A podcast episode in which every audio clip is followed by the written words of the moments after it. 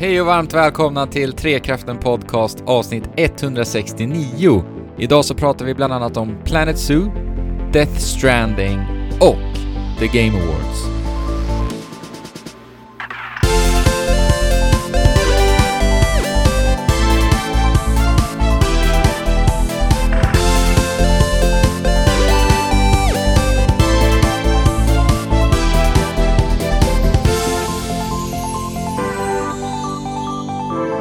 Dags för sista ordinarie Trekraften för den här säsongen. För ni kommer få höra ett avsnitt till, kära lyssnare, men det är ett renodlat Game of the Decade avsnitt. Så det här är det sista. Och nu undrar varför jag låter som att jag eh, jobbar för eh, Ring så spelar vi, så är det för att vi sätter oss i den här julstämningen. Eh, det är lugnt och fint, jag och Andrew sitter här själva med tända ljus. Eh, vi fick inte med oss eh, Fabian och Alex idag. Eller var det så att vi eh, egentligen smyginspelade det här för att få själva? Jag vet inte. Fortfarande. Ja, alltså det, om vi ska vara helt ärliga så är det väl lite utav en konsekvens utav förra veckans tråkigheter med tekniska strulet. Ja, så är det eh, vi, vi har ju kört ganska hårt här nu. Vi spelade ju in förra veckan och sen två dagar i rad nu eh, dessutom. Så att vi håller på och Mm. bränner ut våra stackars eh, röster. Så att idag fick Fabian och Alex ta tidigt eh, julledigt. Precis. Men de återkommer som sagt nästa vecka när ni hör... Eh, eller jo, nästa vecka blir det, eller hur? Ja, alltså det blir så Ja. konstigt. Massa märkliga tidsresor här nu. Men eh, ni får två avsnitt eh, två veckor i rad och då Ja. kan ni ju eh, också julmysa er ordentligt med ett matigt Game of the Decade avsnitt. Med vissa insl- inslag av svek kan jag också eh, spoila redan. Ja. Eh, Men det var kul. Teaser. Kaosigt Ja, var- och roligt. Så sammanfattade vi det lite. Ja, alltså som sagt det här blir konstigt för er eftersom ni lyssnar på det här först. Men ni kan Ja. ha det med då i alla fall i tankarna att eh, eh, det var väldigt ovant för oss att faktiskt argumentera eh, lite emot varandras spel. För det brukar vi ju sällan göra annars. Eh, Mm. Men Precis. det blir ju så med en sån här lista att man måste försöka peta bort varandras spel om man vill ha med ett eget. Så det var lite intressant ny upplevelse, men jag tyckte det blev bra. Mm. Ja, men det var kul. Men som sagt, sista ordinarie Trekraften eh, för säsongen där vi pratar om spel vi har spelat och så. Men innan vi gör det så tänker jag att jag ska i och för sig också prata om spel jag har spelat, men på, eh, på lokal, så att säga. Jag var ju och jobbade på DreamHack Winter. Just det. Eh, Så det blir ju, det är ju liksom, jag känner mig så oerhört trött generellt just nu för att jag har ju rest väldigt mycket och utbildat i mitt jobb. Jag jobbar ju Mm. med att utbilda lärare och föräldrar och andra om e-sport och varför de borde engagera sig mer och hur de kan göra det. Ja. Så mycket resande och sen då DreamHack som är såklart är då det största, två gånger per år så är det ju liksom en riktig urladdning för oss som jobbar med e-sport. Ehm, Hur många Så- år i rad har det varit på DreamHack? Ja, jag vågar knappt tänka på det. Det är väl um, tio tror jag. Ja, jäklar. Eh, någonting sånt. Nio eller tio, jag är inte helt säker men. Eh, och det brukar ju alltid som sagt innebära en himla massa jobb och det gjorde det den här gången också förstås. Mm. Ehm, och så är det ju det att jag jobbar onsdag till söndag lunch ungefär och sen så har vi haft som rutin att Nils kommer eh, på, på eftermiddagen där och så, så kör vi hela eh, tills, fram tills vi måste åka hem till sista tåget går i princip från Jönköping hem hit till Falköping där vi bor. Ehm, och det är väldigt härligt. Ja. Så, eh, så det gjorde vi. Eh, Så vi hade en sån här föräldralounge då där föräldrarna kunde hänga när deras barn var och spelade och det var ju jättebra i arbetssyfte att träffa en massa föräldrar. Mm. Eh, Men sen som sagt så är ju ändå höjdpunkten såklart att få uppleva DreamHack genom Nils eh, storögdhet. Ja, ja. och Vad, en av vad spelades vi- då? Mellan två? Vi- Grejen är att han får inte spela Fortnite hemma. Han är ju bara sju år och jag tycker fortfarande att det är Mm. lite för... Jag tycker... Det är ju väldigt harmlöst spel, men det är ju realistiska vapen vissa av dem och de heter som de riktiga vapnen gör, så jag vill inte att han ska bli för... Ja men utsättas för det för tidigt, så att jag är lite Nej. återhållsam. Fast han vill ju gärna spela det själv, men... Eh, och jag, jag ser ju fram emot när vi spelar ihop, för det är väldigt kul att spela... Vi spelade ju till exempel Rocket League idag mot AI i och för sig, men en hel liga körde vi idag på ah, eftermiddagen. ni gjorde det. Ja, eh, det är också någonting vi pratade om i inspelningen av Game of the Decade. så att eh, jag blev inspirerad. Men Mm. då spelade vi faktiskt Fortnite på, um, på DreamHack i alla fall. Vi spelade duos, vilket var superkul liksom. Han fick sina första kills och det låter ju rätt så... kills låter alltid så himla brutalt när man pratar om Ja. barn som spelar. Men eh, han blev, det blev sånt där moment, du vet. Vi... ja, Mm. jublade ihop liksom. Det var fint. Men när tror du att, när tror du att Nils kommer börja spela Fortnite? Ja, just nu är det lite mellanläge där en del av klassen spelar det, men inte riktigt alla än liksom. Så att han är Mm. fortfarande, man kan fortfarande liksom argumentera för att, ja, skulle alla fått göra det utom honom så hade det kanske känts nästan lite elakt. För det är så socialt. Ja. Um, Men jag tror att när han fyller åtta nästa år, då ska vi, har vi bestämt tillsammans att vi ska utvärdera igen hur, hur vi ska Ja. göra med, med eh, hans mamma också. Så får vi, men jag tror att det kommer säkert landa i att han börjar spela i sommar eller i, höst. Um, han har också sin, eh, vår, våran förra granne som han är bra kompis med, som han inte har så mycket kontakt med, förutom när vi ses då och då. Skulle han kunna spela med nästan, ja, varje vecka i alla fall. Så han skulle hå- hålla kontakt med honom också. Så det, det finns ju massa sådana faktorer också som spelar in. Men ja, vi spelade Fortnite och eh, det var mestadels det. Han spelade också Beat Saber, fastnade han för väldigt mycket. Han Ja, spelade en just halvtimme tror jag. Mm. Eh, och det är ett underbart spel som jag, jag har ju en Playstation VR här hemma. Jag kommer ju, i, i jul kommer jag nog falla till slut för frestelsen att köpa det själv. Jag vet inte riktigt varför jag inte äger det, för jag älskar spelet i sig. Så att, eh, Mm. Ja, det släpptes väl relativt nyligen till PSVR? Eller var det ett år Ja. sedan kanske? Jag vet inte. ja, men något sånt. Men Ja. det är inte, har inte funnits ute superlänge i alla fall. Men Mm. Eh, ja, nej men det var, det var mest det vi spelade. Eh, och så fick han spela lite Switch i vår lounge där som vi hade uppsatt till föräldrarna. Eh, Just det. Men ja, och sen är det mycket annat man upplever på DreamHack. Det är ju liksom mycket gratis game man får och han köpte en sån här eh, japansk ansiktsmask, du vet. Mm, Eh, just det. Mm. Med ett coolt motiv på. Eh, det hade han. Han var oerhört tacksam för det. Han Nice. tackade mig flera gånger spontant efteråt. Åh, tack så mycket pappa, jag fick köpa den här masken. Han liksom, det har jag drömt om. Jag var så här Okej. tacksam. Så det var gulligt. Eh, ja, och sen kommer han få nu i julklapp kommer han få DJ Hero 2 och, eller 1 och 2 faktiskt, till, eh, till Wii. Ja, du Ehm. hittade det. Jag, jag såg att du, jag tror det var Twitter du skrev någonstans Mm. eh, om att du letade efter just DJ Hero. Mm. Det är ju ett av mina favoritspel, men vi slängde de grejerna för det var till 360 eller vi Mm. skänkte bort eller någonting när vi flyttade hit då för två och ett halvt år sedan. Och nu har han blivit jätteintresserad av DJande eh, och kollar mycket på YouTube och så. Och då Mm. Eh, så är det perfekt tänker jag, för det är ganska enkelt spel och det är, man känner sig verkligen som en cool DJ när man spelar det. Så eh, ja, jag hittade eh, 300, nej vad är det, 450 tror jag för hela kittet med turntable och två Jäklar. spel, så det var ju kanon, kanonbra liksom. Ja, vad roligt. Ja, men eh, ja, så det, det har jag sysselsatt mig med sen senast. Men, eh, Men, går det för dig? men jag måste ju fråga Ja. Jesper. Mm. Kikade du inte på Cyberpunk 2077? Jo, Det gjorde förlåt. de en ganska stor Eh, grej av där. Exakt. Jo, jag, jag hjälpte till och med till att dela ut lite sådana band till deras andra visningar sen och försökte hjälpa Joy som är community manager, som är en väldigt duktig eh, community manager för, för Namco Bandai i Norden. Mm. För att det var ju, vid sista visning så hade ju många sett den redan, så då var det så här, ja men försök få in så många vi kan i sista visningen. Men, ja men det var ju coolt. Alltså, ja, det är väldigt blodigt Cyberpunk, vilket inte passar mig alls bra. Mm. Eh, men eh, ljudbilden var riktigt cool. Eh, det var ju en sån biosittning liksom med full ljudutrustning. Som det hade varit en konsert i princip. Så det var ju, och sen har de ju väldigt mycket det här smutsiga, eh, vad ska man kalla det? Ja men smutsiga syntslingor i princip. Och det är ju något favoritljud verkligen för mig när man Mm. dels har det här lite eh, 80-taliga soundet men också som sagt skita ner det genom att han berättade då, eller de berättade för oss att de hade använt mycket analoga metoder som att typ bryta sönder sladdar och sätta Mm. in så här aux-uttag till hälften och vrida runt lite och så ha sig Ah, mycket, coolt. di- mycket distorsionsgrejer liksom. Mm. Så att, ja, det var riktigt coolt. Och sen själva spelet, eh, det ser ju lovande ut även om det har haft lite wobbly framfart här senaste året. Men Mm. det ser kul ut för att eh, det verkar vara väldigt stora valmöjligheter. Man kan ju spela helt eh, pacifistiskt i princip. Jag tror man kan faktiskt spela helt utan att döda någon i det spelet. Ja, jag tror de har sagt det också. Eh, Och då fick man ju se en massa exempel på då. Där har de ju vänt lite på, på förväntningarna också. Där kvinnan var den som körde total eh, köttskalle och bara liksom slog ihjäl allt hon kom över. Medan killen i, i demon var eh, den som var lite mer smygig och diskret. Så att det var ju lite kul på det sättet för mig som alltid tittar med de glasögonen precis. också. Eh, och sen så blev det ju en rolig bugg i slutet. De, det, det kraschade ju för första gången någonsin på deras världsturné som de har gjort med den här visningen. Okej.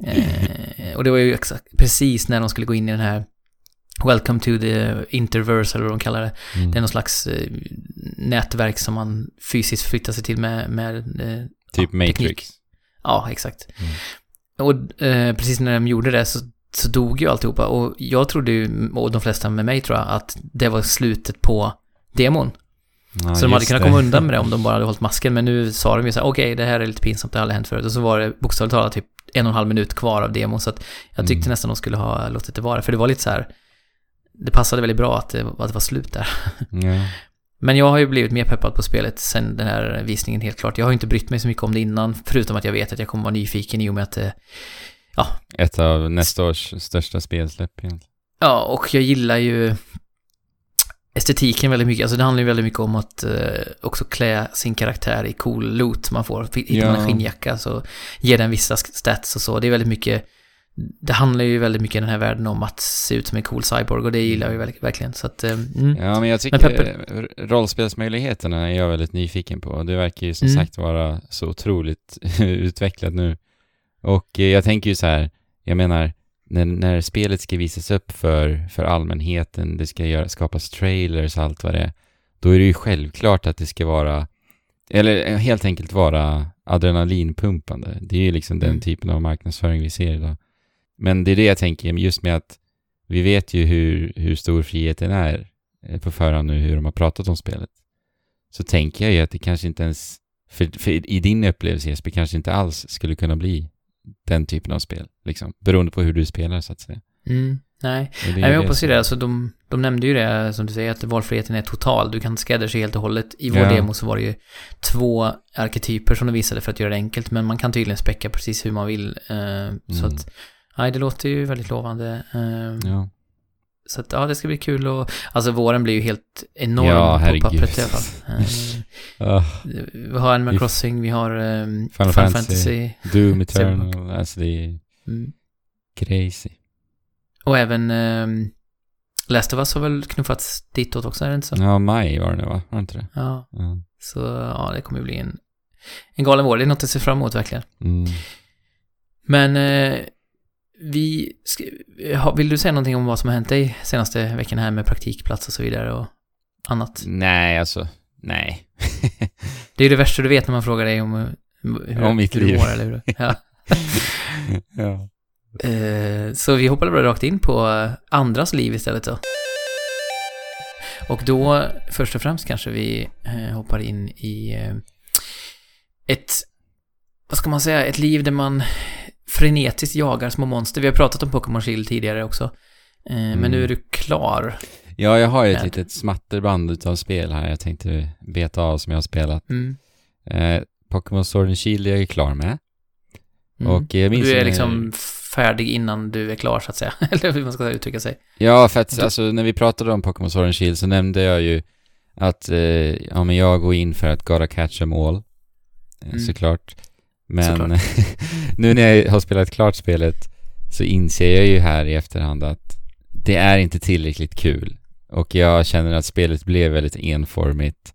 Det är bara tid som sipprar ur mitt liv lite. Att fånga de här krabaterna nu de sista timmarna. Så att Mm. jag har liksom fått intala mig själv att, att det är inte värt tiden. Jag, jag kom upp till 320 stycken. Mm. eh, Vad är det, hur många är det man kan fånga? 400 är Ja. det. Så det är ju nära, men Har det med eh, Pokémon Shield att göra som, som sådant eller är det mer en trötthet, liksom en matthet för konceptet eller? ja, för konceptet och för liksom spelet. Jag har ändå Mm. lagt ner 50 timmar drygt nu. Eh, Jag skulle kanske behöva lägga 20 till för att få alla, skulle jag gissa. Eller 10 Mm. åtminstone. För mig är ju 50 timmar, alltså jag har ju spelat eh, Dragon Quest 11 eh, Definitive Edition i 50 timmar och Mm. jag tycker ju att det har varit en helt enormt åtagande att göra det. Ja. Så eh, för mig, jag har ju, alltså skulle jag ha lagt ner 50 timmar i Pokémon så skulle jag ju känt mig väldigt eh, liksom duktig och tillfreds Mm. med det ändå. Ja men det är ju också det här att bara gå in i strider i Pokémon Sword and Shield, det är ju fortfarande så tröttsamt med de här animationerna. Alltså det går ju inte att trycka förbi någonting nästan. Det ska ju vara textrutor som dyker upp också hur, hur liksom välbefinnandet på de här monstren man möter är och så vidare. Som bara känns tradigt till slut när man efter 50 timmar ser samma textrutor poppa upp. Eh, Ja, så man att, borde kunna ha valt i alla fall att eh, ta bort dem eller snabba på Ja. dem på något vis. exakt. Alltså snabba upp striden. Jag förstår fortfarande inte varför de inte har gjort det i, i Nej, men jag menar, är det inte till och med så i det här spelet att man får typ hitta så här helt vanliga option, optionsgrejer som man låser upp. Eh, Tyckte jag de Mm, pratade jag om har så hört här- någonting om någon ljudinställning, men jag vet inte, jag, ingenting jag Okej, bryr det är inte mig om. genomgående i alla fall. eh, Nej, nej, det är det att, så här, för att kunna typ ändra textens färg så måste du hitta det i världen. liksom, eller så. Eh, du kan i alla fall snabba upp textens eh, scrollhastighet, men det är ju Mm. bara när du pratar med karaktärer, vad jag förstår det som. Och jag, självklart satte jag ju den till fast, eh, så snabbt jag kunde.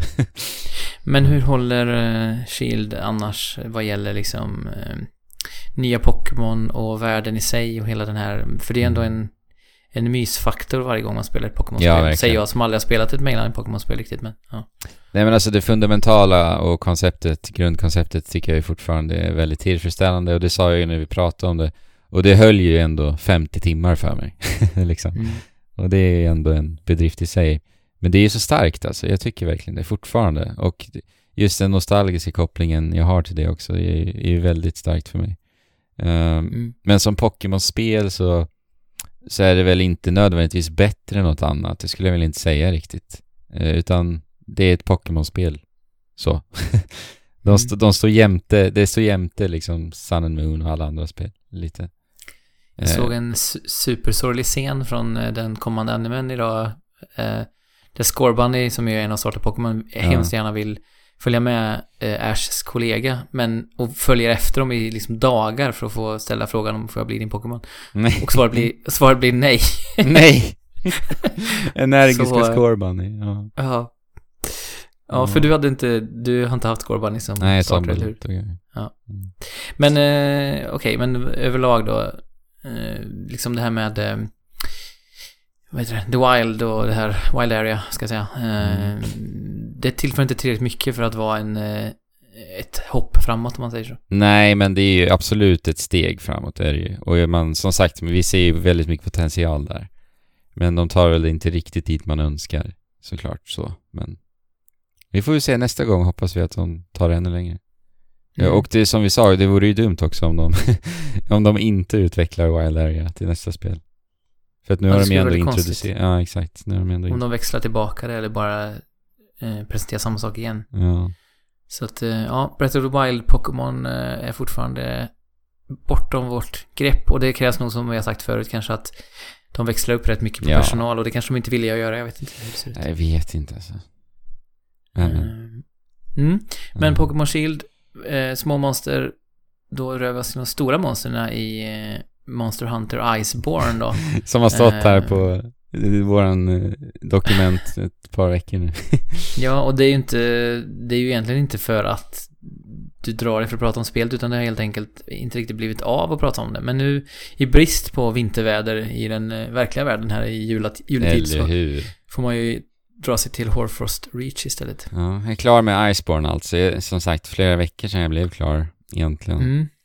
Eh, och typ det jag tar med mig i stort från Monster Hunter World Iceborne är ju att de här nyheterna som det kommer, framförallt då klatschklon som är den här enterhaken som vi kan klänga oss fast på monstren och liksom rida med dem ett tag och, och hugga lite på dem och lämna efter en sån här svag punkt för att sedan gå in och göra extra skada på den här svaga punkten. En fantastisk mekanik. Eh, allt det här känns ändå som sådana naturliga tillskott så att när jag tittar på Iceborne så glömmer jag nästan bort lite vad det faktiskt tillförde med. För att det kändes, det känns som att det är saker som redan har funnits från start egentligen. För att det känns så otroligt eh, naturligt. Um, så det är så svårt egentligen att, att sitta och prata om vad, om liksom Iceborne nödvändigtvis är bättre än tidigare, eh, ja, ursprungsdelen egentligen så. Men Men det handlar väl om eh, svårighetsgrad också kanske att... ja, eh, För ni har ju nämnt tidigare att ni kanske tyckte att originalspelet var eh, snäppet för enkelt och faktiskt då klara av Mm. även de här eh, Elder Dragons och så som finns. De, de liksom ultimata bossarna eller vad man ska säga i spelet. Ja, jag är ju lite besviken på svårighetsgraden också faktiskt. Eh, framf- Även i Iceborne. Ja, alltså det började bra. Eh, Inledningsvis var det väldigt, väldigt bra. Eh, och en, den tydliga förändringen är att monstren är ju väldigt mycket mer aggressiva i Iceborne. Och de tål ganska bra mycket mer. Men eh, i sluttampen där så var det nästan så att du klarade de flesta monstren på första försöket. Till och med liksom de två, tre sista stora eh, slutbossarna, monstren. Mm. Eh, så det var väl ändå en liten besvikelse. Det, det, det är inte riktigt den här G-rank-utmaningen som vi såg i tidigare Monster Hunter-spel som många fans ändå har längtat efter också eh, sedan Monster Hunter World just på grund av det du sa också. En utmaning nu när det här blir eh, Capcoms mest säljande spel någonsin.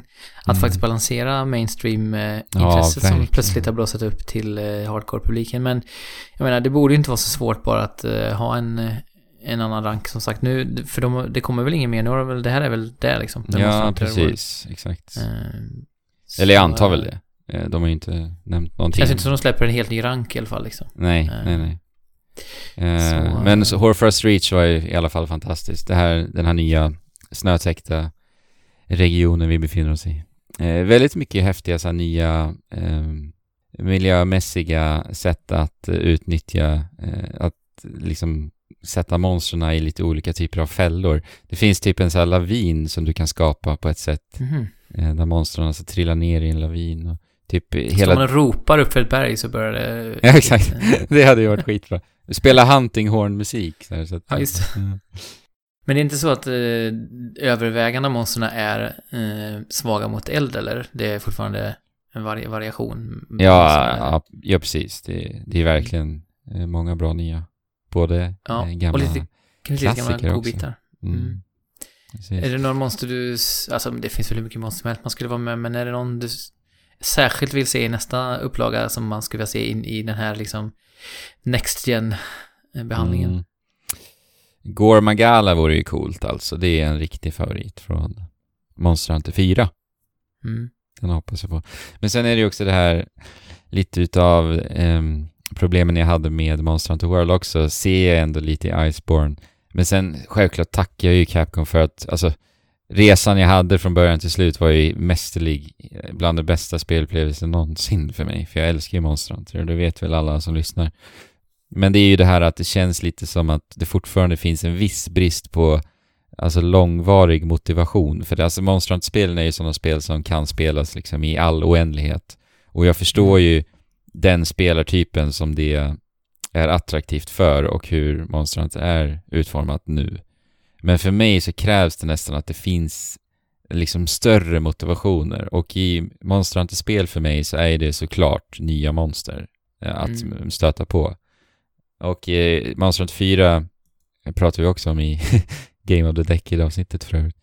Mm. Ehm, det är ju ett sånt spel som, som var så mästerligt i hur de sprinklade ut alla dessa monster. För att jag, alltså efter 300 timmar i fyran så sp- spöade jag den sista monstret. Mm. Och det är i ett liksom kompakt spel. Utan uppdateringar till och med.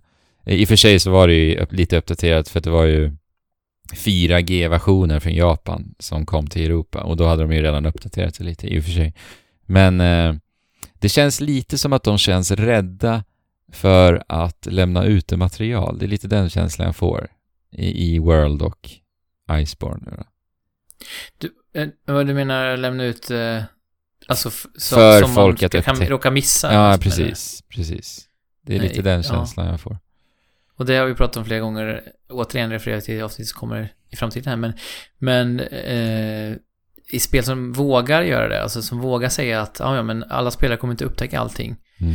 Eh, det ger ju också de spelarna som faktiskt tar sig tiden och orken att göra det ännu starkare känsla av Exakt. att det är unikt Precis. för en själv. Precis. Eh, men, men det är ju såklart om man lägger x antal miljoner kronor och eh, timmar på att skapa material så är det väl också förståeligt att man vill visa upp det, men det... Ja, men är exakt. Det, jag förstår ju jag förstår ju vad de strider med där, men ja. Mm. Nej men alltså Ja, det är men ju magiskt. Njutning totalt Ja. sett i alla fall. Oh ja. Det är verkligen. Och jag är väldigt sugen på att ge mig in ordentligt. Jag har ju spelat ja, men ett ans ansenlig mängd timmar i, i eh, Monster Hunter World-originalet. Men eh, Mm. ja, jag ska försöka få med mig Fabian och eh, kasta mig in. Ja. Får vi se. ja det, det är så han- märkligt, jag märker det, att prata vi pratar ju, vi, vi skulle kunna referera så mycket till det där avsnittet vi redan spelat in märken. Ja. Ja. Vi skulle ju egentligen bara låtsats om ingenting. Och sen, Ja. hade det varit lite läskigt för dem som ja. lyssnar. Ja, Ja. men... Iceborne som sagt. Yes. Från eh, Ice Mobs till COD Mobs då. Codmobs. nu är det faktiskt så att vi vet om att eh, Call of Duty Mobile, som du ska prata om härnäst, eh, är officiellt och objektivt då årets bästa mobilspel. Årets bästa Eh, mobilspel. Du har spelat årets, mest, bäst, årets bästa mobilspel, vilket är lätt att skratta åt när man ser så här Call of Duty Mobile ha Mm. bästa mobilspelet. Men du har ju faktiskt eh, fastnat eh, för det lite grann. Ja men en stund i alla fall. Eh, Det här var ju också några veckor sedan nu, men jag spelade det ändå relativt flitigt i drygt två veckors tid ungefär. Mm. Eh, Och det här spelade jag med några kollegor på jobbet. Eh, Och det jag slås av ändå med Call of Duty Mobile framförallt, det är att det känns verkligen som en väldigt bra mobiladaption utav Call of Duty alltså. Mm. De har gjort ett väldigt smidigt kontrollsystem. Det funkar alltså så att du, eh, du styr ju med eh, eh, båda tummarna så håller du mobilen i landskapsläge och sen så kontrollerar du eh, karaktärens rörelse med vänster tumme och sen så siktar du då med höger. Det är ju väldigt naturligt som en kontroll liksom. Mm. Eh, men det som är så fint är ju då att det räcker helt enkelt bara eh, med att sikta på fienden så börjar du skjuta automatiskt när fienden är i sikte. Och det funkar förvånansvärt bra faktiskt. Och det känns som att du får, Ja. du får liksom det här härliga illsnabba Call of Duty-flödet ändå på, på mobiltelefonen också. Jag funderar, det är intressant när man tänker på det ur ett designperspektiv för jag vet inte, egentligen så vet jag inte om skottknappen har en jätteviktig funktion ens i Mm. eh, fullversionen. Alltså det är klart att i Jo men vissa det, fall det handlar ju om respons lite. Alltså det, det, Jo, det blir ändå en det. känsla. Men det är det, alltså jag tänker om man tänker i krasst eh, funktionmäss, Jo, jo, funktionsmässigt nej. så är det ju faktiskt inte helt nödvändigt. För jag menar, eh, det finns ju en jättestor taktisk aspekt av att, att bara hålla ner en, en eh, trigger liksom. Eh, Mm. Ja, det, det kanske finns aspekter som jag missar här, men det är intressant att det går att överföra så sömlöst liksom Mm. ändå. Genom att ta bort skottknappen, vilket låter på pappret som en jättestor förändring. Men, Jo, precis. Och, sen finns det ju en, det finns en skottknapp också, men då mm. automatiskt går du in i, du vet, aim down sight som är så synonymt med Call of Duty. Där vi siktar in lite extra. Eh, så att ja, kameran zoomas in ytterligare också då. Eh, och, Använder du den då? ja, ibland gör jag det faktiskt. Ga- ganska ofta. Så det blir lite att jonglera liksom båda de typerna. Eh, vilket ändå funkar väldigt bra. Den knappen är väldigt stor, ska sägas också. Så det är ganska svårt att missa den också när man trycker. För det är Mm. ändå ett problem jag tycker med mobilspel, att det är så svårt att intuitivt liksom trycka och träffa rätt. För att det är bara en Ja. skärm liksom, du känner ju inte knapparna. Nej men det är ju det med mobil. Alltså man skulle vilja ha alternativa kontrollmetoder. Jag sa det i det här avsnittet som kraschade att rösten är ju ett alternativ liksom. Men samtidigt, du kan ju Mm. inte sitta på tunnelbanan eller var du åker och så här skrika till din telefon Nej. att du ska skjuta. Men jag vet inte, tanke, tankestyrning får väl komma sen om några år då istället. Jajamän. Att du, att du får tänka nu, Ja. nu ska jag skjuta och så använder du hjärnan som skottknapp. Ja. ja men det, det rullar också sjukt bra. Eh, stabila bildrutor. Det är ändå så här snyggt tekniskt för att vara ett mobilspel också. Det är ju kinesiska Tencent som har utvecklat det här spelet Mm. och det ser man också väldigt mycket i liksom gränssnittet. Det är väldigt, väldigt plott, plottrigt. Det är mycket som bara säger åt spelaren köp mig. Det är alltså då såklart sjukt mycket mikrotransaktioner och ja, bara en sörja av menyer egentligen. Mm. Men eh, ja, det är snabba matcher. Det är mycket liksom dopaminkickar med level som går upp och du kan in och fippla med loadouten efter nästa match och bla bla bla. Men ja, det höll i ungefär två veckor för mig ska vi säga. Eh, sen det rann det av mig. Men det var ändå så här, jag blev ändå smått imponerad får jag väl ändå säga faktiskt. Av hur, Många- hur duktigt de har lyckats. Ja, många mobilspel är ju ändå, jag kan ju bli väldigt fast i mobilspel och eh, spela mycket, men ofta går det ju ganska snabbt över som sagt. Man blir liksom Mm. superinvesterad ett tag och sen försvinner, så två veckor är ändå hyfsat länge för ett mobilspel att spela Mm. regelbundet, kan jag tycka. Ja men det var ju kul också att spela med, med jobbet så att säga. Vi satt ju på rasterna och körde liksom. Ja, Eh, Men sen är det det- också, vi fick ju typ i runda slängar så här 20-30 kills per person per match. Och där Ja. känns det också lite så här nästan designat för att för att det ska vara så. För att vi ska fortsätta Mm. spela, för att vi ska få de här kickarna. Och med det menar jag då att det troligtvis var några bottar inblandade i de där killsen som vi fick. Jag fick verkligen den känslan alltså. Ja, det ska vara intressant att veta. Det är ju samma sak i Fortnite och PubG också när jag spelade på mobilen så upplevde man också det att Mm. vad bra jag är liksom. Fast jag inser att förmodligen så är det lite kanonmat med det också, som du säger. Jag Men det är tror det är att veta. smart ändå alltså. Jag tänker på det när jag spelar liksom Super Smash Bros och Rocket League som är väldigt kompetitiva spel. Alltså om du förlorar mycket, då, då blir du ju rasande och det är inte kul. det, Nej, det är ju ett inneboende problem i kompetitiva spel att Ja. man tappar suget för att det går dåligt. Det. Men då är matchmaking såklart jätteviktigt. Bra matchmaking är A och O för då, Precis. alltså utvecklarnas eh, mål är att du ska vinna hälften och förlora hälften. Så att du hela tiden känner att du Exakt. har segern i räckhåll och bara en till match liksom, den här Mm. grejen. Så att eh, man ser ju det på sådana här tierlist och sånt när det börjar komma uppåt 60%, 70, 65-70% så är det ju, då måste man nerfa karaktärerna för då, Mm. då bryter man ju liksom den interna eh, logiken annars. Mm. Ja, COD-mob då, Cod som sagt. En eh, stor rekommendation. Helhjärtat från Trekraften som samlad kår. Årets bästa mobilspel. ja. Jeff Keely har talat. Eh, ja, och på tal om Jeff Keely då, var, eh, så har du ju sänkt absolut flest timmar i den senaste tiden i alla fall i hans, jag vill säga hans mästerverk, men han finns ju med i spelet, visst är det så? I Death, Jajamän. Death Stranding. Han har ju blivit någon form av bästa kompis med Kojima under den här utvecklingsperioden. Eh, Mm. och icke förvånande så vann ju också Death Stranding, var det två priser på The Game Awards, eller ett? Mm, vi- alltså jag har faktiskt ingen Dir- jättekoll. Direction vann de vet jag, är jag helt säker på, så kanske det var ett till. Men Men ja, vänta, de vann Game Direction, Hideo Kojima då. Och sen va- vann de också Soundtrack, Ludvig Forsell, svenska. just det. Det var ju kul. Så var det.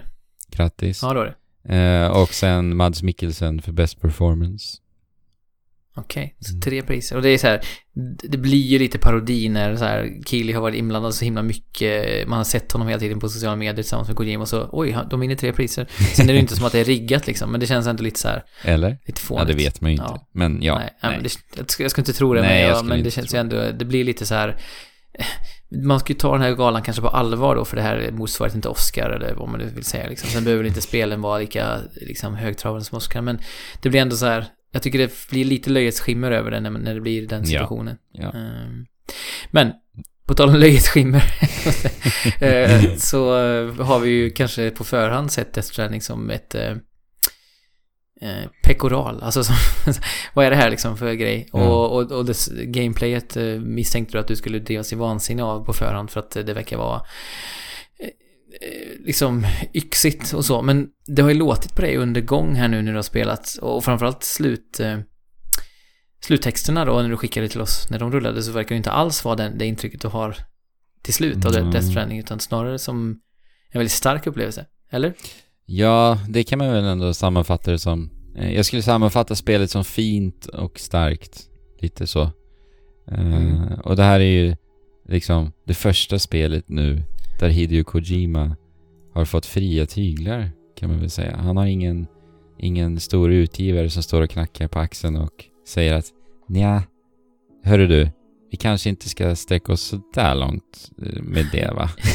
Det låter ju för sig som en mardröm att Hideo Kojima inte har någon redaktör Ja. utan bara så här, gör exakt precis vad du vill, hur länge du vill. Ja. Eh, ja.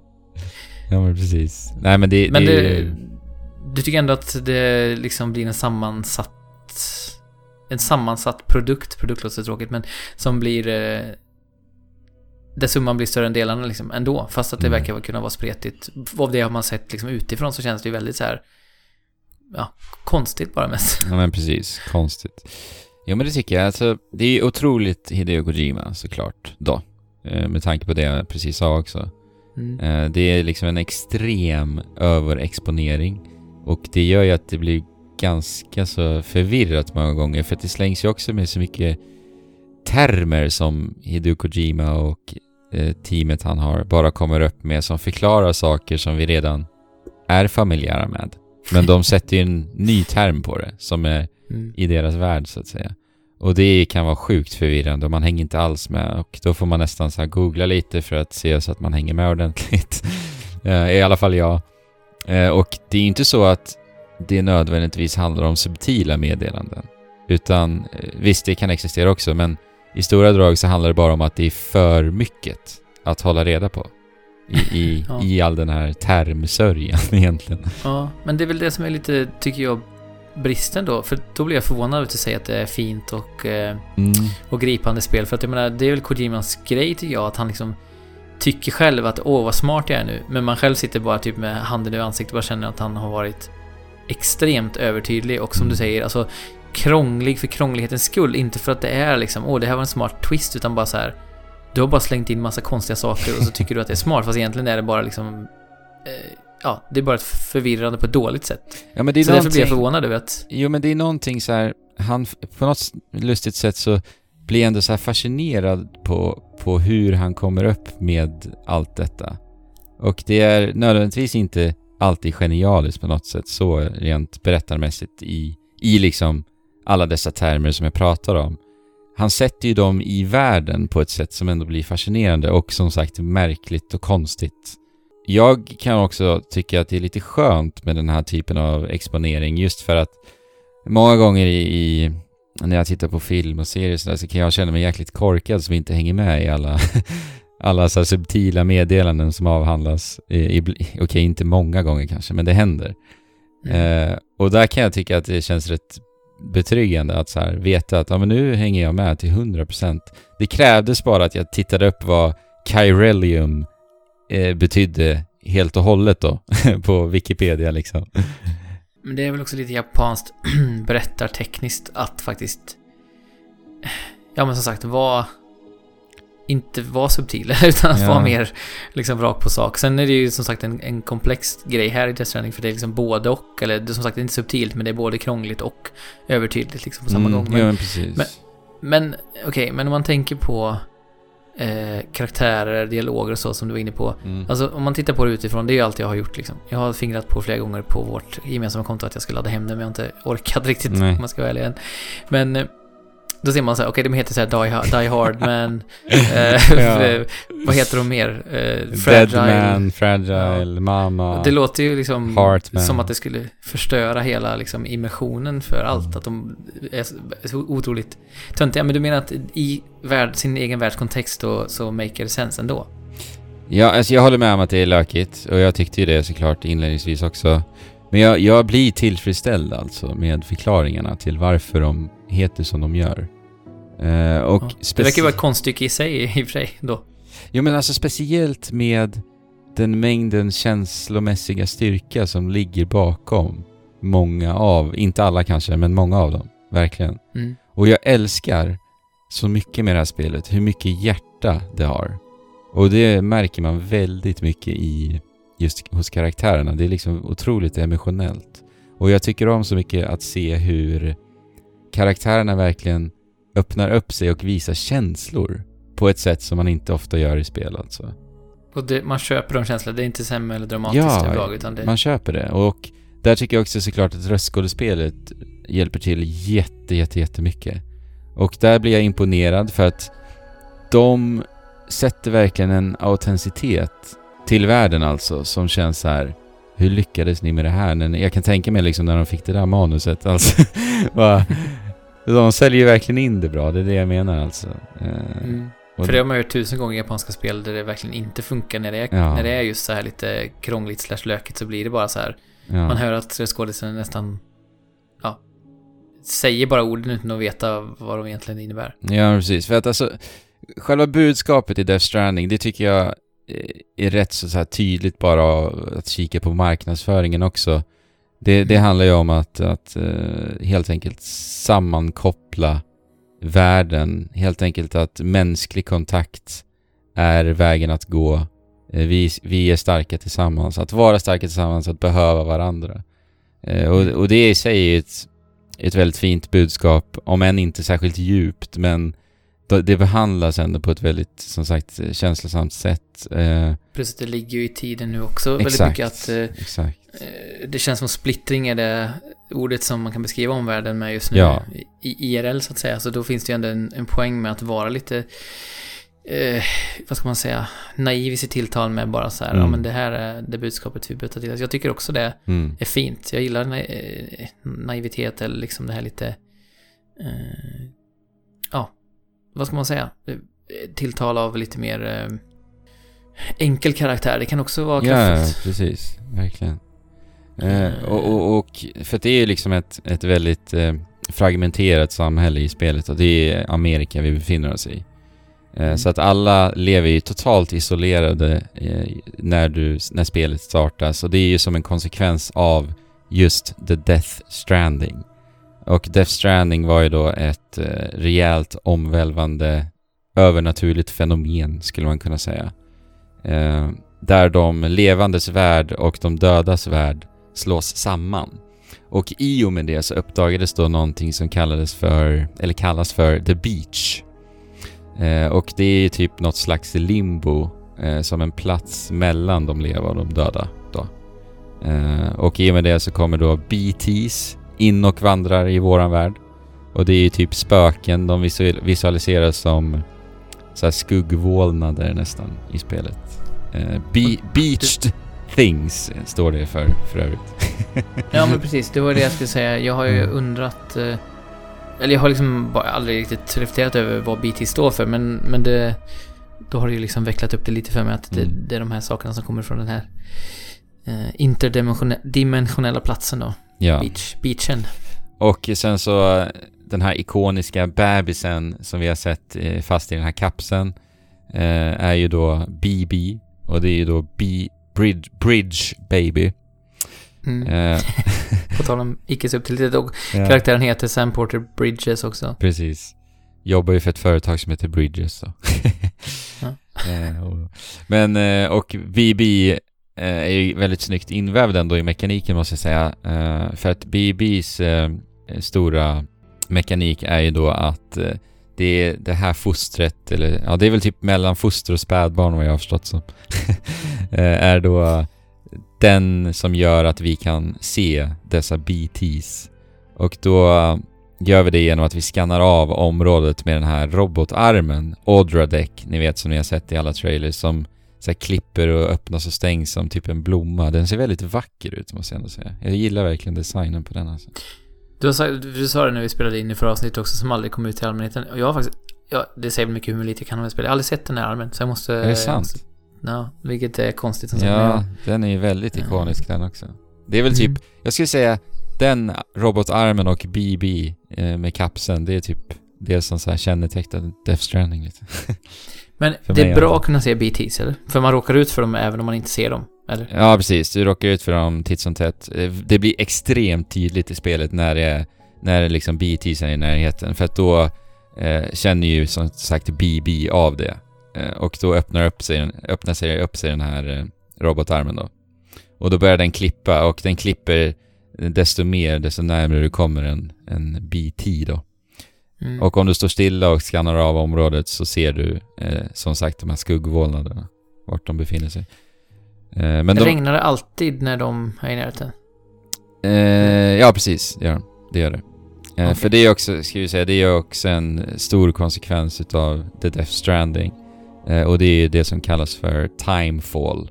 Och Timefall kom in i världen med någonting som heter Chiral Matter, som är någon konstig materia som orsakar mycket av alla de här övernaturliga sakerna då. Som exempelvis Timefall.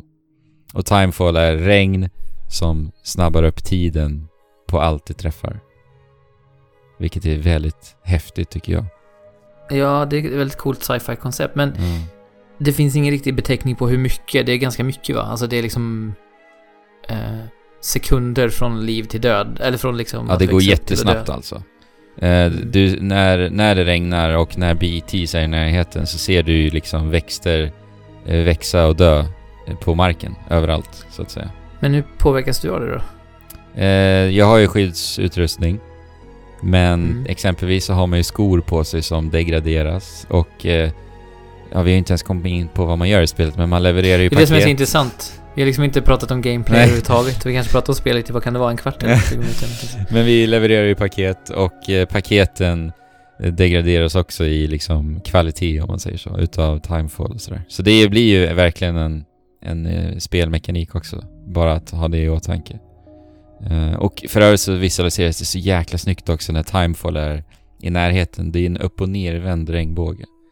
Och det spär ju Mm. bara på den här mystiken och den här konstiga atmosfären alltså. Men jag har hört lite kring det här med BTs, att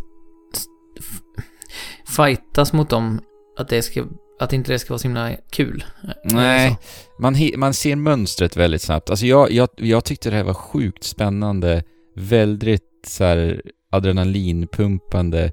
Du var tvungen att vara extremt fokuserad i inledningen utav spelet och då tyckte jag att det var väldigt häftiga moment alltså. Särskilt med hur världsfrämmande hela sekvensen känns. Det är timefall, du ser upp och nervänd regnbåge, växter liksom växer och dör på bara sekunder. Det är några märkliga skuggvålnader där en bebis skriker i en jädra kapsel samtidigt som en robotarm håller på att klippa. Ja men du förstår. Så jag var bara helt så här uppslukad av, av och fascinerad av världen han hade byggt upp mycket bara där i början. Det kändes bara nästan så här olustigt på något märkligt sätt. Så att jag tyckte ju verkligen om det inledningsvis. Men sen märker man av mönstret och det blir väldigt lätt. Det finns egentligen ingen utmaning. Det handlar egentligen bara om att eh, hålla andan behöver du göra när du är nära en BT. Eh, för att den inte ska liksom upptäcka dig. Och, och det blir väldigt tydligt med den här robotarmen, ådradäck, eh, när du är nära. Så att det blir inte heller ett utmanande moment. Så det handlar egentligen bara om att tyst smyga sig förbi. Det är inte utmanande på något sätt egentligen att se vart de befinner sig. Så att du går egentligen... Du går bara och eh, noterar liksom eh, robotarmens rörelser och rör dig runt där de är, typ. Men du, du kan också bli... Om du misslyckas så kan du bli liksom indragen av dem också, är det inte så? Jo, precis. Och då blir det någon form av strid, eller? Det hände med en gång. Och faktiskt, eh, en sak med eh, Death Stranding så ska jag ju säga att det finns moment i det här spelet som jag inte tycker om alls. Och det här är en utav de momenten. Att bli neddragen utav en BT och behöva kämpa emot dem var direkt tråkigt. Men det fina med spelet är att jag kunde ju välja att totalt bara strunta i det, så att så fort det hände mig så loadade jag bara en ny save och eh, gjorde så att det inte så blev fallet nästa gång. Helt enkelt. Men, Mm. och det var inte svårt att undvika det heller som sagt. Så att det är ändå någonting positivt med spelet också, att det är lätt att undvika det tråkiga, om man säger så. Mm. Eh, För att de, det är verkligen en sak jag inte tyckte var alls rolig eller spännande eller nej. Så att det valde jag gärna att skippa alltså. Och samma sak med Mules som är typ någon märklig terroristgrupp av något slag som är... Eller nej, det är typ inte te- terroristgrupp. De är bara eh, märkliga typer som är beroende av att leverera paket. Alltså på riktigt. De är... Mm. De är beroende av det. I spelet alltså.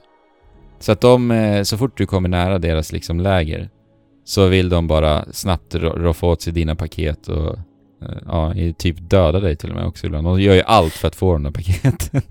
Men det är väl ehm, lite det vi skulle behöva i Sverige också, att de som jobbar på Postnord, Postnord skulle ja, vara beroende av att få göra sitt jobb eh, istället för lite som det känns ibland tvärtom. Ja men i våran värld gärna att Mules får röra sig omkring där. Men, Ja. eh, nej men de här momenten också, alltså stridsmomenten när du liksom ska hantera fiender, eh, konstigt nog. Ändå. När vi pratar Mm. Kojima också. Metal Gear Solid 5 var ju fantastiskt på det sättet. Men allt det var saker jag gärna bara totalt skippade. Eh, Så jag undvek Ja. mycket av de momenten. Så till exempel när jag var tvungen att ta mig igenom ett sånt här mule-läger så valde jag ju gärna att ta en motorcykel eller en bil och bara liksom åka rakt igenom. Och som sagt så eh, är det ju väldigt tacksamt att du faktiskt kan göra det också. Eh, så Mm. att spelet håller ju inte tillbaka dig på det sättet.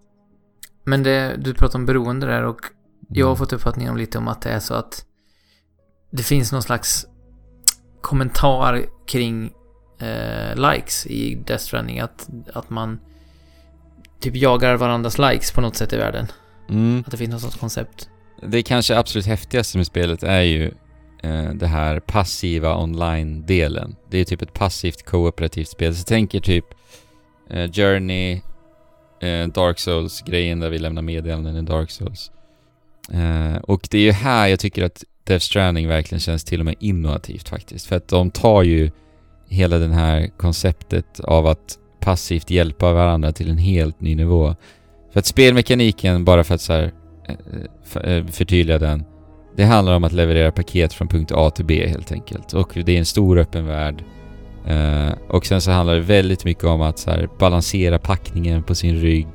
Uh, förberedelser i hur du liksom ska ta med dig rätt verktyg ut för att liksom enligt kriterierna som uh, uppdraget har då lyckas allra smidigast att ta dig till den punkten och sådär. och sen så staplar du dina paket liksom på ryggen så det kan ju vara uppemot så här komiskt mycket. Du har säkert sett bilder på det här eller? Ja. Det är typ så 20 paket han har staplade på ryggen och något. Ja, och eh, precis. Det blir så här eh, cartoonish eh, ja, precis. grej. Men det finns ett moment i det också som Eh, lite risk-reward va? Alltså att du kan packa, hur mycket vågar du packa med dig liksom? Ja, men lite så faktiskt. Lite så. Du har ju en viss mängd kilo som du kan komma upp i. För att självklart blir det för tungt om det är för tungt. eh, men sen kan du ju låsa upp så exoskelett och liksom nya upp uppgraderingar och eh, för föremål och grejer för att liksom underlätta och göra det, göra det till och med lite roligare, lite lättare. Eh, det är ändå helt att eh, du låser upp ett exoskelett för att bära mer paket, inte för att typ strida mer och tåla mer, utan det är för att orka bära mer paket. Men blir det inte den här aspekten av, för det är ju intressant liksom det här med eh, asymmetrisk eh, kåpa eller vad man ska kalla det. Mm. Eh, blir det inte, vad ska man säga, blir det inte som att man fuskar ibland? Att så, ja, men plötsligt har det massa motorvägar överallt och du har byggt stegar som du kan klättra upp för och känns det inte ibland som att, eller finns det inte risk att det kan kännas som att du, att andra gör jobbet åt dig där ditt eget jobb är en stor del av det du spelar för liksom. Nej men det fina, nej jag tycker inte det. För att det fina är att du får ju lite utav båda världarna för att Okej, okay, Sams uppgift i spelet, Sam Porter Reedus, protagonisten som spelar Norman Reedus. Hans uppgift i spelet är ju att åter sammankoppla hela Amerika. Och det gör vi då genom att vi kopplar upp alla städer på ett Eh, tänk dig typ ekvivalenten till internet, Chiral Network heter det. Eh, och genom det så kan vi skicka data så ultra rapid snabbt. Eh, så det är det som är hans liksom primära mål. Förena och slå samman landet. Och när du då rör dig till de här olika städerna som du ska koppla upp på det här Chiral Network så kommer det, den regionen inte vara uppkopplad såklart då. Men när du kopplar upp dig, det är då, först då, alla de här byggnaderna, eh, generatorerna, safe houses, stegrar, rep, broar, allt som det kan vara. Det är då de uppdagas från andra spelare. Så att du har ju alltid ett moment där du inte har någon hjälp alls. Men sedan när du får hjälpen utav att vara uppkopplad, det är då det uppdagas. Och jag tycker det är också en ganska snygg del i hur det liksom vävs in i hela budskapet också. Mm. Sen är det det jag tycker om så mycket med hela online-biten, det är just eh, att det känns ju alltid som att det finns en hjälpande hand som ständigt sträcker ut sig. Eh, och det har ju varit moment alltså i det här spelet där jag har tagit mig an liksom en ganska lång träck, hiking, för att ta mig från eh, punkt A till B. Och jag har känt att jag har förberett mig rätt. Jag har med mig containerspray för att liksom laga den här skadan på mina container av eh, det här timefall. och jag har liksom planerat ut att bygga upp en generator, generator heter det, där för att liksom ladda upp batterier. Men ändå när jag står uppe på liksom en bergstopp så inser jag att shit, jag skulle ju behöva ett jädra rep här för att liksom vira mig neråt, ner för den här bergstoppen. Mm. Och då, i de momenten, att liksom kunna scanna av med den här robotarmen order deck och se, få syn på att det, det är någon annan hjälpsam själ som har lämnat efter sig ett, ett uh, rep på just den där platsen där jag behöver det. Mm. Så känns det så jäkla tack, jag blir så genuint tacksam för att den personen har, har lämnat efter sig den där. Mm. Eh, och det gör ju också att jag blir mer sugen på att hjälpa andra. Och det gör jag gärna, så att allt jag eh, bygger upp, eh, stegar jag har lämnat efter mig, rep och allt. Jag låter ju dem vara för att jag vet att någon annan kommer ha användning för det. Ja, det blir en pay it forward mentalitet. Eh, och det, det som är coolt med det tycker jag är att det är det bästa jag vet med spel, när spelen lyckas både i gameplay och berättelse och i ens egen sfär utanför tvn liksom, eller datorn Mm. förmedla samma känsla som spelet gör i sig självt. Det- Alltså det är samma sak med eh, Celeste Ja, också. verkligen. verkligen. Eh, och, och det är bland det bästa spel kan göra, Mm. så det är ju verkligen ett stort beröm från min sida att eh, den cirkeln känns sluten. Mm. Ja, det, men det är ju nästan spelets absolut sta- största styrka, Death Stranding. Alltså jag tycker verkligen att Alltså budskapet vävs in i mekaniken, narrativet, allting så otroligt jävla bra. Och det förstärker ju bara känslan av det. Allt det här som jag nämner liksom. Mm. Och det, det känns verkligen som ett spel som, det kan inte vara något annat än ett spel. För att den här typen av känsla skulle du inte få i något annat media liksom. Nej, Men sen tycker jag ju också om eh, spelförloppet i spelet. Det är väldigt tillfredsställande. Det finns alltid någon, någonting nytt verktyg att ständigt leka med. För att inledningsvis i spelet så börjar vi ju bara med Ja, är, du är Norman Reedus. Sam Porter Bridges. eh, Som går. Eh, det är rent ut sagt det du gör. Många timmar i inledningen. Men sen ständigt liksom så får du nya saker att leka med. Nya byggnader att bygga.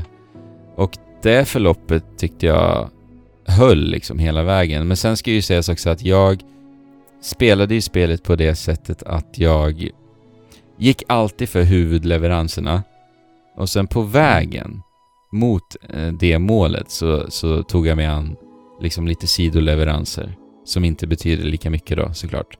Eh, så att det var det flödet jag alltid hade. Och det måste jag ändå säga är lite av en rekommendation, rekommendation från min sida. För jag landade på ungefär 35 timmars eh, speltid. mm. Och jag kände ändå att det blev en väldigt kompakt upplevelse faktiskt. När jag spelade det på det sättet. Det var någonstans jag kände av tendenser av repetition. Där jag blev lite trött. Men då var det så här: okej nu var det sluttampen på spelet direkt efteråt. Så jag fick ju aldrig riktigt uppleva det jag har sett folk gnälla på att det liksom är repetitivt. På grund utav hur jag spelade då antar jag. Så att det måste jag ändå säga att jag rekommenderar att spela det så. Det låter ju också som en ganska bra eh, tidsrymd för ett, ja, ett AAA-spel ändå. Man får immersera sig, det finns ju inte något ord som heter men, eh, som, eh, rejält, men ändå inte liksom spendera veckor och veckor och veckor utan kan gå vidare och spela annat som Mm. man också vill spela. Jag tycker Ja det är ju någon ständig stress man har hela tiden, vilket är lite jobbigt också, men, men jag tycker spel behöver sällan vara längre än 30 timmar liksom, för att jag vet inte, det är inte så ofta de har mer, så mycket mer att säga. Nej precis. Ehm, Men ja, jag, jag blir väldigt sugen på... Det är det som är så intressant, för jag har ju svårt... Eller det, det ska jag väl fråga, jag har ju svårt för det här med för mycket tryckande atmosfär och skräck och sådär. Och Mm. jag är lite sådär... Jag väger det mot att jag faktiskt älskar det här med eh, aspekten av att gå och vandra. Jag gillar ju det själv att vara i naturen liksom. Mm. Eh, och, och fjällvandra och sådär. Mm. Ehm, och pack, alltså packningen lockar mig orimligt mycket också. Ehm, så hur ska man väga de två sakerna om man är som jag? Liksom? Var, var ligger fokus? Mm. Eh, liksom, hur mycket skräck och på, på tryckande är det och hur mycket harmonisk vandring i- till härlig musik är det? Ja men det är mycket utav det sistnämnda ändå. I slutändan. Det, det är väl egentligen just eh, när du stöter på BTs som det kan kännas på det sättet som du säger. Och jag nämnde ju där vad jag tyckte om och hur jag kände när jag mötte de här. Speciellt inledningsvis. Mm. Men annars är det mycket, det är mycket vandring. Och som sagt så älskar jag ju den här Monster Hunter-eska förberedelseperioden innan du ger dig ut. Det känns verkligen, du så här betar av i en checklista. Har jag med mig det, det, det, allting jag behöver? Ja, allt är klart. Och sen handlar det mycket om att så här planera rutten också. Så du tar ju upp liksom kartan och eh, kan dra liksom markörer som du själv sätter ut eh, i rutten du ska ta. Undviker helst liksom alldeles för höga berg och så vidare. Och sen senare i spelet så eh, får du till och med tillgången till att, eh, ja, som en väderprognos, kunna förutse var timefall och vid tidpunkter var timefall kommer äga rum och så vidare. Mm. Så det blir också en liten så här sak att ha i åtanke i planeringen och i förberedelserna. Så den delen tycker jag jätte, jättemycket om i det här spelet. Och sen såklart att utföra det, att få den där hjälpen av, av andra spelare på vägen vid sådana där tillfällen som jag nämnde. Eh, att ge några likes också för att man är så tacksam. och att själv lämna efter sig ett rep som jag har med mig i mina förberedelser på vägen ner. Där det inte fanns något annat rep då, men då lämnar jag det såklart. För jag vet att, ja, säkerligen kommer någon annan använda sig av det här. en annan stor del i online-delen är just de här generatorerna som andra spelare eh, har byggt upp.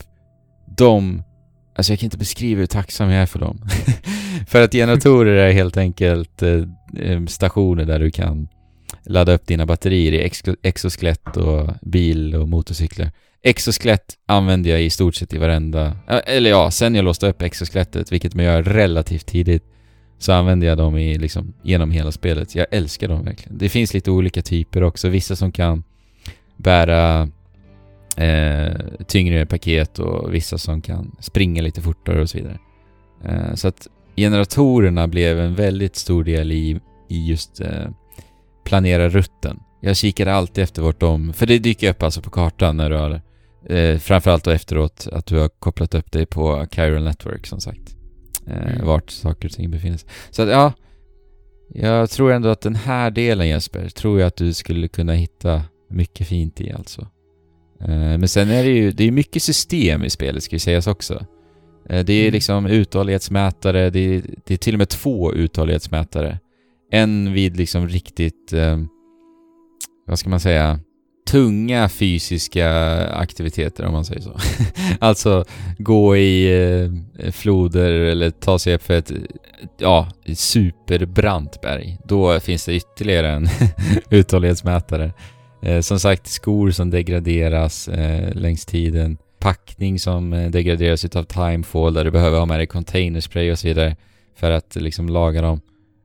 Men jag upplevde ändå att mycket av de här alla system som jag nämner kändes ändå så här. Det var, det var bara lätt att inte bry sig om dem och ta del utav dem så mycket. Alltså det, det stod aldrig i vägen riktigt utan så länge du var förberedd med, som jag nämnde då, så, så var det, då var det lugnt. Och det är en del utav spelet liksom, att se till så att inte något utav de här blir någonting som kommer stå i vägen för dig. Um. Och det blir lite så här hiking-känslor. jag får ju lite tankar till när jag hade min fantastiska hiking-semester på Island framförallt för att landskapet vi befinner oss i, i Death Stranding som för övrigt är haktappande vackert alltså. Det är massiva stora öppna landskap som är så otroligt vackra. Eh, det påminner väldigt mycket om just Island faktiskt. Eh, tänk dig typ det här eh, lavastensfält som är täckta i så grön mossa. Det är mycket den typen utav eh, karga liksom, miljöer. Ja, och det tilltalar mig som sagt oerhört mycket mm. eh, att få röra mig runt i det här. Så att, mm, system har jag väl inga problem med heller egentligen. Jag är ju van att liksom eh, ha tålamod med att ja, man fattar systemen så småningom när man har umgåtts med dem ett tag. Mm. Eh, men, men eh, eh vet det, den karga miljön relaterar ju också till eh, Någonting som du alltid brukar hålla högt i spel, eller alltså, som tycker det väger tungt i alla fall i spel, eh, är ju musik. Eh, mm -hmm. Och det mhm. vann... Ja, precis. Det vann ju som sagt eh, årets bästa musik också. Det är ju... finns ju... Det är väldigt höga produktionsvärden i musiken i det här spelet. Mm. Hur tycker du att den vävs in i upplevelsen? För det verkar som att du tyckte om den när du, ja, det, det du har skrivit om på. Herregud alltså. Det är fantastiskt, fantastiskt bra. Det är ju mycket originalmusik från framförallt ett band som heter Low Roar. Silent Poets har också gjort musik och även Churches. Uh, Churches är ju Alex och Fabians typ favoritband. Jag tror de har nämnt det i podcasten tidigare. Mm. Deras låt som de har gjort i det här spelet som heter Death Stranding, det är ju typ, inte temalåten skulle jag inte säga, men huvudlåten på Timefall-albumet som de har släppt då. Uh, med, i och med lanseringen utav Death Stranding. Där är det en herrans massa mm. andra band också faktiskt som har gjort eh, mm. musik till spelet. Men ja, alltså musiken är verkligen magiskt bra alltså. Och musiken, de använder sig väldigt mycket av tystnad i spelet, väldigt effektfullt. Och vi vet ju hur otroligt kraftfullt det kan vara. Eh, och det gör sig så otroligt bra i det här spelet. Det är lite Breath of the Wild eh, över det. Det här är lite... Vad säger man? Det är ett speciellt ord jag söker som inte är speciellt svårt. Eh, eh, vad heter det? Övergivna. Nej, men när man upplever någonting som lite... Melankoliskt. Lite ledsamt, lite... Ja, tack. Ja. Melankoliskt, tack. Eh, på samma sätt som i Breath of the Wild. Ja, men verkligen. Verkligen så. Eh, och sen just också de här musikteman som är kopplade till, vad ska man säga, de övernaturliga händelserna som rör liksom Death Stranding, om man säger så De Mm. känns ju också så väldigt obehagligt främmande och jag gillar verkligen den kontrasten. Eh, blir så jäkla stämningsfullt för att just de här low roar musiken jag nämner, eh, Silent Poets och allt. Det är mycket den typen av musik du hör när du är ute och vandrar och det blir nästan som att jag ställs i ett meditativt tillstånd alltså när, när de slår in när du liksom ett stort landskap öppnar upp sig och du vandrar där alldeles stillsamt i de här miljöerna. Eh, och jag får lite så här samma vibbar faktiskt med Sam Porter Bridges, eh, alltså huvudkaraktären, i hur han behandlas. För att han är alltså en, en person som är otroligt reserverad, eh, isolerad i sig själv. Det märks på något vis att han har ett ganska så här eh, mörkt förflutet inledningsvis, liksom först när man bekantar sig med honom. Eh, så lite hopplös känns han på ett sätt. Eh, och det är ju väldigt fint så här, för att hans karaktärsutveckling är någonting utav det starkaste för mig i det här spelet. Och det är ju så fint att se hur karaktärer, eh, otroligt välkända ansikten för övrigt, eh, men det vet nog alla som lyssnar. hur de kommer åt Sam för att leda honom mot hopp lite. Det är nästan den typen utav så här sammanträffningar, eller vad ska man säga? Mm. Och in, inledningsvis är han ju väldigt skeptisk till hela det. Han så här, nästan ruckar bara på axlarna och... Ja, men du vet. Eh, så att eh, den, den utvecklingen tycker jag är jätte, jättefin och han öppnar ju upp sig också mer och mer och inser hur, hur karaktärer runt omkring honom liksom öppnar upp sitt hjärta och då får man känslan av att han inser att han behöver ge tillbaka någonting. Eh, och det går ju också in liksom i hela budskapet som sagt. eh, och eh, eh, det, jag- jo, det var ju det jag skulle komma till. Och de använder musiken på samma sätt som de använder sig utav Sam. För att det är precis på samma sätt där att han öppnar bara, alltså han, de använder sig utav tystnad med honom, det är det jag vill säga. Att, för han öppnar ju bara upp munnen när det väl är någonting han har att säga, när han väl på riktigt bryr sig. Det är först då han pratar. Annars är han bara knäpptyst. Och det blir också väldigt effektfullt, precis som... Eh, Så att musiken kommer bara in när det måste, eller när det ska accentuera någonting, annars så är det Ja. mycket tystnad. Ja. Mm. Och det känns inte som så här cheesy att oj nu vill de spela på mina käns- känslosträngar, utan det blir... Eh, jag tycker det är gjort med känsla. fingertoppskänsla, ja. mm. Verkligen. Eh, och som sagt, det blir väldigt meditativt. Jag tycker om den här taktila känslan också i spelkontrollen för att den är väldigt direkt kopplad till handlingen. Så att höger och vänster axelknapp, alltså L2 och R2, är, representerar eh, Sams höger och vänster arm. Så att då liksom Mm. spänner du fast ditt, din packning helt enkelt med dina händer. Så att det är så du liksom balanserar dig när du eh, är och hajkar i bergen. Eh, och den, det tycker jag så här känns, det förs över väldigt bra liksom i spelkontrollen, själva handlingen så att säga. Mm. Men det är väl också just det där... eh, Värdet i ett sånt här spel är ju inte bara i hur bra det är, utan att det faktiskt också får finnas ehm, spel som är väldigt annorlunda och udda. Alltså det är skönt att inte alla spel är COD Mob, liksom. Även om, Mm. om du tycker om det spelet. Men att så här, alla spel behöver inte vara actionspel med mikrotransaktioner, utan det kan finnas liksom Verkligen. udda upplevelser som Ja. me- mest handlar om att gå liksom. Ja men precis, och att de har lyckats få det, alltså jag tycker att spelet är kul och det, och det har jag ju, har jag redan berättat om, liksom hela förloppet och förberedelser. Och det är det jag blir ändå så här fascinerad över, hur de har lyckats att få triviala fetch quests till ett roligt moment i ett helt fullängdat spel. Mm. Med total frånvaro från våld i min upplevelse. För som sagt, jag struntade i allt det. Ja, det låter ju väldigt spännande för min egen personliga del också. Mm. Det som är lite kul är att jag sitter ju, vi spelar ju in det här skälvande minuter före Wattam släpps. Vi spelar in det här på eh, kvällen den 16 Mm. december och 17 december, alltså imorgon då vi spelar in det här så, så släpps Wattam. Och det är ju Det är ju lite likt Death Stranding verkar det vara på ett väldigt konstigt, eller på ett väldigt så här. Det är ju väldigt olikt på många sätt också. Men Ja. just det här att det handlar om att connecta världen och att eh, det också är väldigt så här annorlunda udda och att Mm. som sagt, det är ju underbart att det kan få finnas sådana upplevelser i Ja, spelvärlden. alltså, och, det, och att det inte det- bara är på indie-scenen heller, utan att det faktiskt är Ja på men alla... precis. Det är väl det som är så, som mest uppfriskande med Death Stranding. Alltså att det är ju ändå ett otroligt högbudgetspel, herregud. Och att det kan vara så unikt som det faktiskt är. Alltså jag uppskattar det otroligt jävla mycket verkligen. Och jag tycker så här, det Death Stranding gör, det är att det får mig att så svart på vitt se hur fega AAA-spel är. Mm. Verkligen. Och att komma från Star Wars Jedi Fallen Order till det här, det var, det var speciellt. Ja, som sagt. Det är ju... Det, ja, exakt. Det, jag gillar ju Star Wars eh, Fallen Order mycket mer än vad du gjorde, men... Eh, man märker ju som sagt att eh, det finns en väldigt... Ja, många av de aspekterna som spelet hade kunnat göra ännu mer intressant görs ju urvattnat. Mm. Eh, för att man märker att ah, det måste funka för en bred publik. jo men precis. Ja, eh, Mm. om man ska säga något negativt bara så är det väl kanske så här.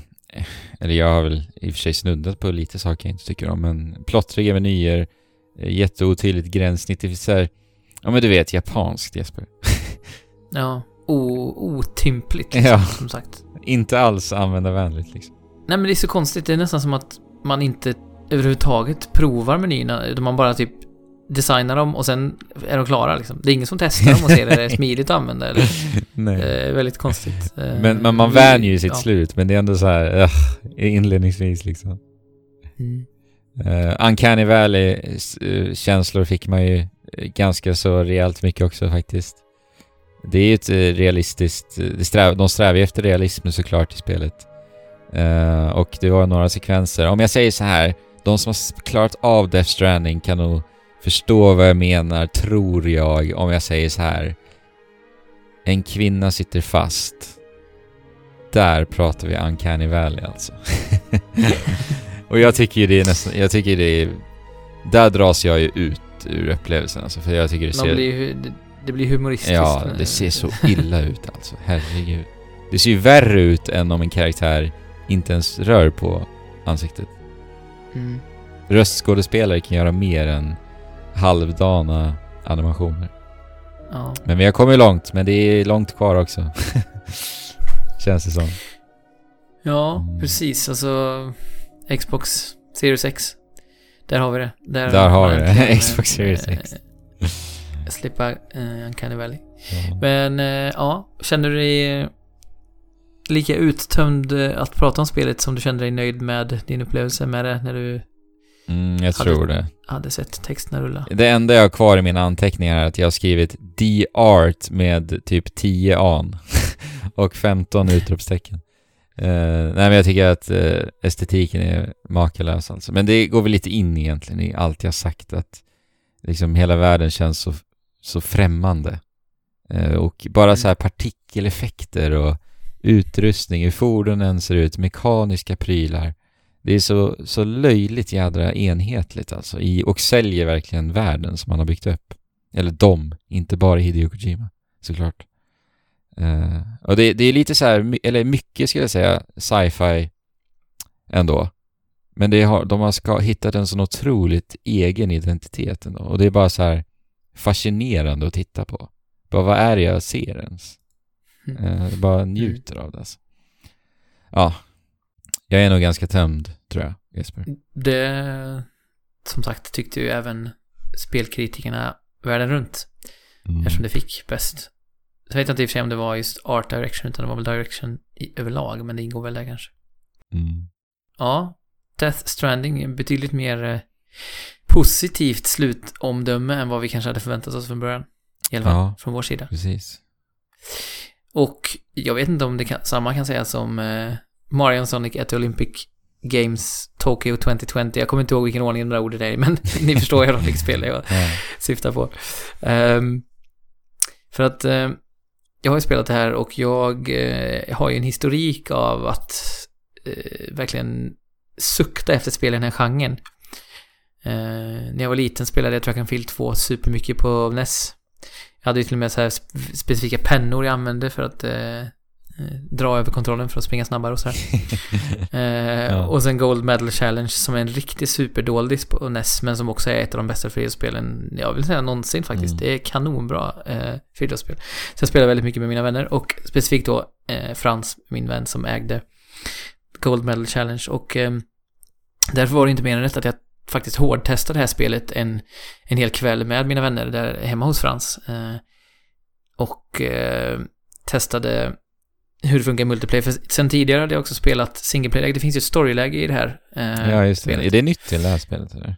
Eh, bra fråga. Jag har liksom aldrig riktigt spelat de andra De sakerna? single Nej, player-spelen. Jag tror faktiskt att, jag tror inte det har varit någon story tidigare på det sättet, utan det har varit eh, ja, utmaningar liksom länkade, men här finns det ju en en eh, utförlig story, får man ju säga. Väldigt Mm. mycket text. Ehm, och det som är lite intressant med det är att delar av den är faktiskt riktigt, riktigt bra och rolig. Vilket är förvånande. Ja, det är så roligt. Texterna du har skickat i våran interna chatt. Till och med jag Ja, för att- drog på smilgroparna när jag läste det. Alltså. Ja, men för det handlar ju om att eh, de... Eh, Robot och Robotnik Eggman då har tagit fram en konsol, en bärbar konsol, som är liksom en retrokonsol. Som de lockas att spela och då dras Mario och Sonic in i den här världen då som tar dem tillbaka till Tokyo eh, 66 är det väl? Ehm, Mm. Där det var OS senast i Tokyo, Sommar-OS. Eh, och då råkar även Eggman och Bowser dras in, eh, olyckligtvis för dem.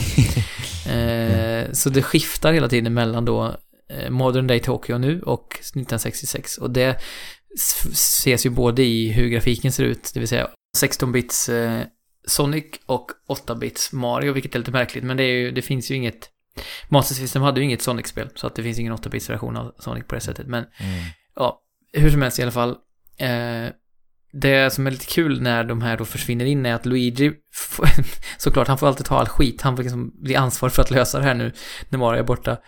Eh, och han är väldigt stressad och tycker att så här, "Ja, men nu måste vi eh, ta tag i det här problemet. Men alla andra vill ju bara hålla på och sporta hela tiden. Eh, det är OS-yra liksom, så han blir så frustrerad på, kom igen nu, vi måste, de kommer ju aldrig, de, potentiellt är de fast här för evigt liksom, håller ni på med? Mm. Och, så, och då blir liksom typ, eh, eh, ja men i det här fallet var det Daisy som bara, åh just det, jag blev så, jag blev så inne i att tävla i, i rytmisk gymnastik här så att jag, just det, sorry, ja jag kommer. så, så får liksom, Luigi får på att dra i alla, Ja. och, så, men, men, men det, det skrivandet faktiskt eh, är som allra bäst är i den här retro-versionen för de bryter fjärde väggen hela tiden och det roligaste exemplet på det är att eh, Eggman och eh, Bowser är så himla dumma så att de står liksom och pratar om sina onda planer eh, ja men bokstavligt talat typ kanske två meter ifrån Sonic och Mario och de så här Mario och Sonic reagerar genom att säga så här, eh, ni vet att vi står här, vi hör precis vad ni säger. Ja, Så det är liksom så mycket dumt. roligt. Ja, och då, det är kul att de liksom, att de erkänner, alltså de så här Ja. eh, kommenterar det orimliga i det själva. Eh, Så att, ja, det är riktigt roligt faktiskt. Sen har jag haft ganska kul med single play-delen också, men när det gäller multiplayer-delen då så körde vi och många av dem jag har spelat med är ju vana vid att köra liksom då spel kanske på eh, upp till PS2, PS3 kanske när det gäller friidrottsspel där det är så här väldigt mycket och traditionellt också, man trycker på en knapp för att springa och en för att hoppa eller kasta eller vad man gör. Mm. Medan de här spelen är lite mer, det innehåller kanske fyra eller fem olika inputs och i många fall så kanske det inte hade behövts utan man gör det för att det ska kännas som att man utvecklar grenarna från tidigare utgåvor av det här spelet och andra friidrottsspel. Men det behövs inte riktigt utan man har bara kunnat göra väloljade versioner av befintliga grenar så hade det räckt. Men man har trott, tror jag, utvecklarna att nej men vi måste göra någonting mer, vi måste det känns för primitivt annars. Eh, och det ledde till att mina kompisar, flera av dem tyckte det var liksom de tröttnade väldigt fort på att det var så himla krångligt. eh, Onödigt tillkrånglat för att de orkade inte riktigt sätta sig in i det och tyckte inte att det var så intuitivt. Så Mm, till slut så sa vi, ja men vi, vi kör bara 1966-grejerna för där är ju de då eh, Mm. gjorda så. Att man springer Ja, det är väl bara... man Ja, längd. precis. Ja, och, och då kunde man inte spela fyra på det. Vi var ju fem eller sex stycken. Men då gjorde vi så att vi istället gjorde en lista på i Excel typ. Eh, där vi noterade alla grensegrar och så lottade vi vilka som mötte varandra genom, eller Ja, det blev så, den som vann, den som vann förra grenen fick börja, för det är alltid en fördel att vara senare ut för att se man vilka strategier som är Ja, bra att använda och vad som inte funkar. Så, så att eh, det blev väldigt kul faktiskt. Eh, vi körde det här i kanske, jag vet inte, tre, fyra timmar i alla fall i sträck. Ehm, och jag lyckades ta hem hela klubbet, så det gjorde ju inte saken Ja, sämre. grattis alltså. Tack, det var väntat. Nej men, eh, det som är lite kul med det här spelet också är ju att det är Tokyo och man märker att det är utvecklat eh, av personer som tycker att det är viktigt att göra en liten extra gott intryck med det här spelet i och med att det är, ja, man är värd själv. Eh, Japan är värd för Ja, du, du känner av att det, det är lite mer krut bakom det här spelet än tidigare. Ja, jag, Jag tycker det, det är lite mer, det är inte lika pliktskyldigt och inte minst en konstig detalj är att man kan eh, gå runt på en eh, världskarta, jag men en Tokyo-karta i alla fall, bland olika så här, punkter som på ett bräde liksom, Ja. ett, nästan som ett Mario Party-bräde. Ehm, och där kan man då besöka massa eh, kända platser, Tokyo Tower och, eh, eh, vad heter det? Eh, Shibuya Crossing, den här stora Ja, ja. övergångsstället. Eh, och på vissa av dem, till exempel Shibuya Crossing, finns ingenting att göra, utan du går bara dit och upplever det som liksom turist, sightseeing i princip. Eh, vilket är lite kul. Och så finns det massa information överallt som man kan gå och läsa på skyltar och så. Så det är ju liksom virtuell sightseeing i princip genom ja, okej. spelet. Eh, Att de har lagt flummigt, ner men- det arbetet liksom. Ja, det är Mm. lite kul. Eh, även om det kan tyckas lite skumt. Men så jag besökt Tokyos eh, liksom centralstation, jag har besökt Tokyo Tower, Shibuya Crossing och, och en massa arenor och sådär. Så att eh, det är lite kul ändå för en som alltid har längtat efter att åka Tokyo men ännu inte har varit där, att få en liten Mm. glimt av hur det ser ut. Ja, Eh, så, men ja, det är ju som vanligt med de här spelen. Jag, jag mm, man, man är lite svältfödd på friidrottsspel överlag. Jag tycker fortfarande att typ International Track and Field till Nintendo 64 kanske är det bästa friidrottsspelet någonsin. Men, och det kommer inte upp i de här nivåerna, men det är ändå så här, ja men det är ett, ett hyfsat välgjort friidrottsspel med Nintendo och so, eh, Sonic, Sonic, Nintendo och Sega-mys ska jag säga. Mm. Ehm, och framförallt då spela tillsammans med vänner och inte minst Ja, de lite precis. enklare grenarna. Vet du om det går Eh, att spela så att- online? Ja, det gör det. Ja. Det går att köra online. Okej. Eh, så att det finns rätt mycket möjligheter. Man kan köra själv, man kan köra med kompisar lokalt och online. Så att, ja, Mm. men det, det är absolut ett, eh, ett fullfjädrat friidrottsspel för den som är intresserad av genren. Och sen så mm, tänker jag i jul är det också så här perfekt Ja, att spela. ja. Sen tror jag i och för sig att Nintendo brukar ju vara bra på att ta fullpris hela tiden. Så jag tror att skulle det vara ett skulle det vara prissänkt till liksom så här 300, 300, 400 kanske, då skulle det vara väldigt eh, lätt att rekommendera. Men Mm. För 600 kanske det inte riktigt... Eh, ja, det beror på som sagt vad man har för förhållande till Jo, genren. precis. Om man, är som, om man är som jag så kan det ändå vara värt det, men... Ja. eh, mm. Det är ju Alpha Dreams sista utvecklade spel det här ju. Ja, det borde, bara en sån sak borde göra att man eh, betalar tribute till dem och köper spelet. Ja, eller hur? Eh, det är då de här rollspelen de har gjort tidigare, de här små gulliga Mar- Mario Luigi, Superstar Saga och de här. Ja, jag så. tror du, de är väl mest kända för Tomato Adventure skulle jag vilja säga.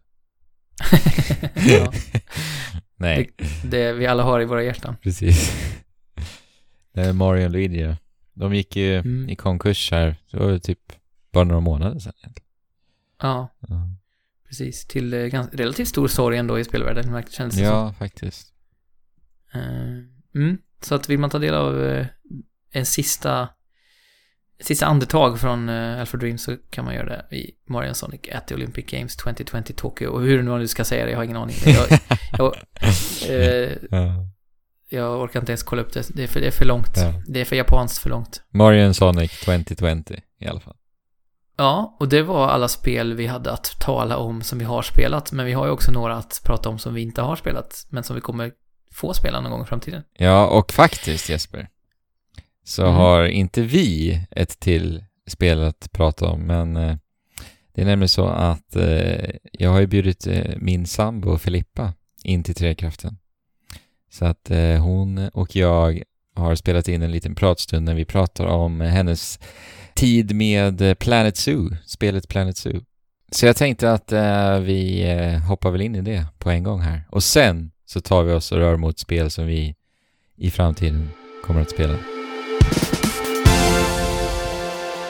Ja, men då sitter vi här, jag och min eh, sambo Filippa. Ja, Välkommen till Trekraften. tack. Eh, Du är här för att du har ju suttit och spelat eh, Planet Zoo i 122 timmar så sitter jag här och ser. Ja, Och det är alltså, det är lite kul då för det är på min Steam-profil som du spelar. mm. Så att alla men- tror ju att det är jag. Ja, nej men det förstår jag. Mm. Fast eh, jag tänker ju också att de kanske inte borde tro att det är du. För att du tror inte att jag spelar Planet Zoo eller? Nej, Nej. Jag, jag har inte spelat så många av den här typen av spel så att, eh, men ja. Jag gillar ju djur i alla fall. ja men det gör du. Mm. Det är ju bra. Och Det gör ju du också. Ja, jag älskar djur. Mm. Och jag har ju spelat Zoo Tycoon väldigt mycket när det fanns. Eller det finns ju nu också. väl? Ja, men när det men kom. när det kom. Mm. Satt jag hemma och spelade. Och jag får ju lite... Eh, jag blir lite, vad säger man? Nostalgisk. kanske? Eh, nostalgisk, ja det blir jag, men det var inte det jag skulle säga. Ehm, Mhm. Manisk mer. Ja, ja, när När det kommer Mm, till spel som jag tycker om. Då kan jag Mm. spela hur mycket som helst. precis. Ja, det är ju det enda du vill göra nu. Ja, Det är bara att spela. ja. Och det är ju inte jobbigt för mig, för att jag tycker om att spela också, så att då får jag spela också. Ännu mer. Ja, win-win. Win-win. Ja. Eh, men, eh, det, för det, just du, du sa ju Zoo Tycoon. Och det är lite kul, för det är ju samma utvecklare Ja, som gör... och oj vad de har gjort ett bra jobb med det här. Mm. Det var ju kul förut såklart. Men alltså då, den tiden var ju säkert, det var säkert bra då. Mm. Men om man skulle se det nu så är det ju inte. Utvecklat det Ja. Mm. Verkligen. Och de har ju verkligen fokuserat på djurens eh, utseende och Ja, det ser så snyggt ut alltså. jättesnyggt alltså. Jag älskar ju realism. Mm. Jag vill ju bara egentligen kolla på när du spelar realistiska spel. Ehm, förutom Precis. Zelda. Förut, förutom Zelda. Breath of the Wild för att förtydliga. Ja, ja men precis. Ja, det är väl det enda stilistiska spelet du, har- du klarar av egentligen. Jag har ju berättat i... Ja, men klarar av att titta på. Jag Mm. berättade ju här i podden att eh, jag vill ju spela Luigi's Mansion 3 med dig. Och så Mm, nej. berättade jag ju hur mycket du avskydde det spelet på grund av... och det var Ja. ju väldigt trist för min del, för jag hade sett fram emot det. Men så är det. Mm. Du vill ha Nej, det är inte min, min typ av spel. Nej. Märkte jag direkt. Men det här är det. Ja, precis. Och jag menar djur och realism Ja. Nej men det kan ju inte bli bättre. för dig. Det nej. nej, gud nej. Och du har ju spelat mycket The Sims vet jag också. Ja, och det är ju också jättekul. Men jag gillar ju djur mer än människor så att det är liksom, ja, det här är ju bättre. Mm. Men eh, bara för att återgå till det du sa med hur snygga djuren är. Mm. Och det är just animationsarbetet som är så jäkla snyggt. Alltså, jag har ju tittat en hel del när du har Mm. spelat. Och det visar ju mig såklart eh, i din progression i spelet också hur långt du kommer. Vad du gör. Ja. Och det är så trevligt då när du zoomar in på djuren för att de lever ju sina egna liv väldigt mycket. ja, så- ja, alla har ju liksom eh, olika beteenden och de är Mm. ju unika varelser, var, varje djur. Ja. Eh, och, Och de leker väl med varandra typ lite också så här. Ja, alltså en eh, typ lejonfamilj såg jag. Zoomade jag in och sen så följde jag i så här cinematic mode. Och då, alltså de liksom interagerar med varandra Mm. och eh, vad säger man? Valpen, det heter det ju inte. Jag vet inte ens vad det heter. Heter det inte olika typ, beroende på vad det är för djur? Jo, Ja. precis. Och det heter inte valp. Nej, Vad heter det för någonting? jag vet inte. Lejonungen. Så Ja, får det bli. Ja. Vet inte. Um, alltså de lekte med varandra och den gick fram till mamman och så här, slickade lite på, på mamman typ Mm. och eh, var så här mysig liksom. Och det gör, en- det gör väl att du skapar en större relation till dem också då? Eller? Ja, såklart. Men djuren dör väldigt snabbt. De Ja, åldras nej. väldigt snabbt. Så att man hinner liksom Nej. inte få den här, Okej. liksom, det här bandet till djuret. Ehm, men uppdateringen som kom den 17 december eh, gör ju att man kan ställa in eh, om man vill att den ska åldras snabbt, långsamt Aha. eller eh, så. Okej. Ehm, och Men- då förändras hela tids liksom, perspektivet, har jag för mig. Ah, Okej, I, alltså i hela Mm. spelet? Alltså. Inte tiden som går, ehm, den lilla klockan som man liksom Mm, har på sot. Så. mm. Eh, den går ju också väldigt snabbt. Alltså jag, hör, jag fattar inte ens hur den funkar för att eh, typ en sekund är en dag. Okej, jäklar. Det är Så att det går ju jättesnabbt. Så en månad, vad kan det vara? Se, Ja. Ja, vi- Ja men en minut är typ en månad. Så att jag har ju Mm. spelat, alltså jag vet inte hur många år jag har spelat. spelet I alltså. spelet. Mm. Ja. Jag är inne på, det jag håller på att spela på nu är, eh, jag tror att det är 59 år som jag har haft sot. Alltså det är ju så jävla lång tid. Ja, jäklar. Men alltså ser du på djuren på något sätt att de blir äldre? Så att säga. Tal jag om- tyckte att jag gjorde det på en, en kamel. Men jag vet inte. Nej. Alltså som sagt, de, det går så snabbt så att jag hinner liksom inte i allt det här så liksom, man bygger ju, jag bygger hela tiden och liksom ut, eh, vad säger, expanderar Mm. sot hela tiden. Mm. Ehm, så att alltså om jag skulle eh, eh, följa ett djur Mm. då hade det hänt hundra olika saker som jag måste vara vara där Mm. och fixa. Ja, just det, för du, du har ju arbetare som sköter saker automatiskt. Det det? ja, men de är också, de kan vara jävligt kassa. Så att de, d- då kommer det upp en liten varningstext att så här, det här stängslet håller på att gå sönder. Eh, Du måste skicka dit en mekaniker, så då måste jag skicka dit en mekaniker. Mm. Och det kan vara för att jag har för få mekaniker Mm. i mitt zoo. Men det är också dyrt att ha anställda. Mm. Så att man måste alltid liksom av, avgöra vilken, vad man vill liksom. Ja, Ja. För, att det, det, är det. Spelet, vi har inte riktigt sagt exakt vad det är för typ. Alltså, men det är ett... Det handlar om att du ska hantera eh, ett zoo helt enkelt. Du är väl boss av något slag. Eh, du är Ja, som men gud precis. över ett zoo. Ja men lite så. Ja. Ja, alltså det finns ju ett eh, story mode eh, i karriär Läget. Ja men Mm. precis. Och där är man ju anställd av en, Mm. en, en som äger zoot. Och där får man i uppdrag att eh, kanske rusta upp ett zoo eller eh, så här, öka typ besökarglädjen Mm, det. eh, eller djurens eh, välbefinnande och liksom sådär. Ehm, Men är det specifika uppdrag? Så att du... Är det typ så man lär sig spelet lite också? Eller Ja men precis. Alltså, eh, om någon skulle vilja spela det här så rekommenderar jag att börja där? börja där. Mm. För att där får man lära sig mycket. Det är lite luddigt. Mm. Ehm, och, och Mycket jag, text? Nej, alltså Nej. det kommer upp en liten lapp. Okej. Typ så här, eh, gör det här. Och sen så är det en, em, en kollega till mig som eh, berättar. Mm. Och då kan man spela upp det igen. Okej. Om man vill höra igen när man liksom, som jag, glömmer bort. Eller inte tänker på vad hon sa. Ehm, så det är bara att spela därifrån. Mm. Eh, och där har jag lärt mig.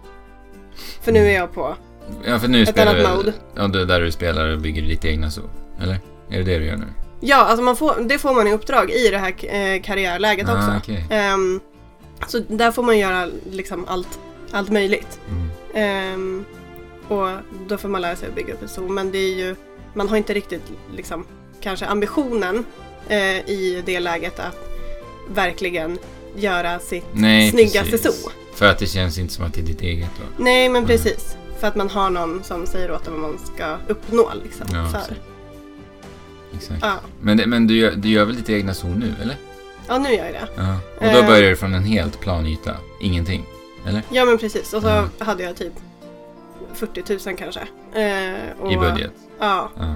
Och där, det var ganska mycket för att jag tror att det lägsta jag haft var 12 000. Just det. Ehm, och, så att man får ju lära sig i karriärläget Hur man att ta tillvara på Mm. sina pengar. Men hur funkar det då, själva byggprocessen? Hur pass fritt är det i bygg, byggandet? Bygger du liksom hela byggnader helt fritt eller är det satta byggnader som du bara placerar? Förstår du vad jag menar? Mm, det finns både och. Eh, Okej. Man kan forska fram lite olika eh, designer på byggnader och sådär. Ehm, Som du själv kan designa? Eller? nej, det här är liksom Satta? eh, blueprints ah, okej. som man då Okej. forskar fram. Ah, ja. Ehm, för det, man kan ju välja att ha ett forskarteam med Mm. både eh, för djuren och för byggnader och sådär. Mm, okej. Så det är en del av hela liksom, progressionen också? Ja, men precis. Mm. Eh, men också så kan man ju bygga helt själv. Eh, det finns ju då en, en färdig liksom, grundbyggnad som är typ keeper-hatten. Va, vad säger man? Vad heter det på svenska? Keeper, Eller, skötare? eh, skötarstuga. Hydda, ja. Hydda Ja, nå- ja. Ehm, där de gör ordning mat till djuren. Ja, just det. Och där, man bygger ju inte insidan. Utan det är ju bara Mm. Den liksom. Yttre, Ja, dess och, yttre. och den är ju skitful. För liksom, hel, Mm. bara den byggnaden. Det ser ut som något, jag vet inte, som inte är färdigställt liksom. Såklart, för att man ska En bygga på. Tjernobyl-lägenhet typ, eller? Är det så illa? Ja, jag skulle nog säga ehm, Och då kan man välja lite olika ehm, färger eller, eller man, om man ska ha plank eller om man ska ha Tegel. tegel, eller om Mm. man ska ha betong. Alltså, så. Eh, jag har faktiskt inte lärt mig allt än. Jag tror att det är väldigt fritt om man lär sig. Ehm, men jag är också dålig på att typ läsa mig till vad jag, Mm. hur jag ska göra saker. Så att jag kommer på något konstigt sätt som är egentligen skitjobbigt. Ehm, men, och sen så bygger jag. Och det finns ju, alltså folk har ju byggt så snygga grejer. Ja, jag fattar det. inte. Ja. Ja. Alltså så det är ju min ambition. Ja. Alltså att göra ett så snyggt zoo. Med liksom byggnader och det är ju trappor inomhus liksom. Det har inte jag Mm. fattat. Jag har precis fattat hur man bygger trappor överhuvudtaget utomhus liksom. Ehm, men så jag tror att det är väldigt mycket mer fritt än vad jag... Ja, för jag skulle precis säga det. Känner du att det känns begränsande? Liksom i... Alltså har du en idé om vad du vill göra men sen känner du att Ja, spelet håller tillbaka lite? ja lite. För att vägen dit är så jobbig. Men det eh, går att hitta lösningar ändå? Ja. Typ. Ja, men precis. Mm. Alltså man kan ju bygga sina egna blu- blueprints och ehm, då är det liksom i en eh, byggnadsgrupp om man säger. Så Okej. att då en eh, så här skötarhyddare så Mm. vill jag eh, lägga till en karantän och en eh, veterinärklinik och lite sådär. Mm. Ehm, och då måste jag se till att den är i samma bygggrupp. Okej. För att då om jag ska flytta på den så flyttas inte allt utan det flyttas bara gruppen. Så att Aha. om någonting är utanför den här byggruppen ehm, så liksom stannar den biten kvar om det är typ en vägg eller någonting. Så Och det du försvinner. Ja. Och det har du fått lära dig den hårda vägen? Ja, ja, ja, gud. Alltså, Mm. jag har svurit ganska mycket tror jag. Ja. Åt, åt det. Jo men jag minns ju när du, du har haft problem att fästa fast eh, vägar. Ja men alltså vägarna. Ja, Ja. de... det, alltså, folk gör så snygga grejer och jag fattar inte hur. Nej. För För att, att, för att vägarna de, de liksom klipper fast vid liksom Ja, de vissa liksom- punkter. automat Ja attachar till någonting som redan finns Ja. som jag inte vill Ja. att den ska göra. Alltså för att jag vill ha den på sidan om den och den bara klick, klick, klick. klick. Ja. Alltså, det är så irriterande. Åh. Och det, alltså det, är, det är säkert någon inställning säkert. Har Alltså du bara- kollat det då? Nej! Men det måste du ju kolla. Nej men jag vet. Alltså, det är lite pinsamt. ja. Nej men det Men kanske... jag, det är bara för att jag vill fortsätta spela. Ja. Jag vill inte hålla på och läsa grejer, jag vill bara spela. Ja. Det är så. Nu får vi se då. Ja, nej jag ska, ja. Jag ska Ja. läsa lite Gör mer och kolla på lite mer tutorials tror jag. Men känner du att du lär dig mycket av att titta på andras verk också? Ja, alltså ja. Eh, Men titta på hur de andra har gjort det. Det är det jag menar. Ja, men alltså då måste typ- man ju gå in på YouTube eller Ja men det... där. Vi lever i ett- i en YouTube-värld. typ. Ja. ja. ja, men vad Eh. roligt. Men känner du att... Eh, känner du att du får ditt sol dit du vill ha det? Är du på god väg? Ja, du visade ju mig väldigt fint du hade gjort här igår. Du hade typ gjort som en, en grizzlybjörnsgrotta som liksom gick ner i marken. ja, och det lärde jag mig i, liksom igår. Ja, det var Eh. riktigt snyggt du hade gjort alltså. Men då undrar jag, liksom, själva eh, grottan ned. Hur sk- skär du ut, liksom, eh, marken så att säga? Hur skär du ut den? Alltså har du något Nej, verktyg men som... alltså det behöver man inte göra. För att Okej. tydligen så finns det ju en knapp som man trycker på. Mhm. Och då går det att göra en väg ner så att den automatiskt gör en grotta. Vägen Okej. går bara och sen så försvinner marken. Ah, så att det okej. försvinner en bit under och en bit liksom på sidorna. Och sen får man... Men typ du hade ju en väg över också, som en, som en, vad heter det? Eh, vad heter det?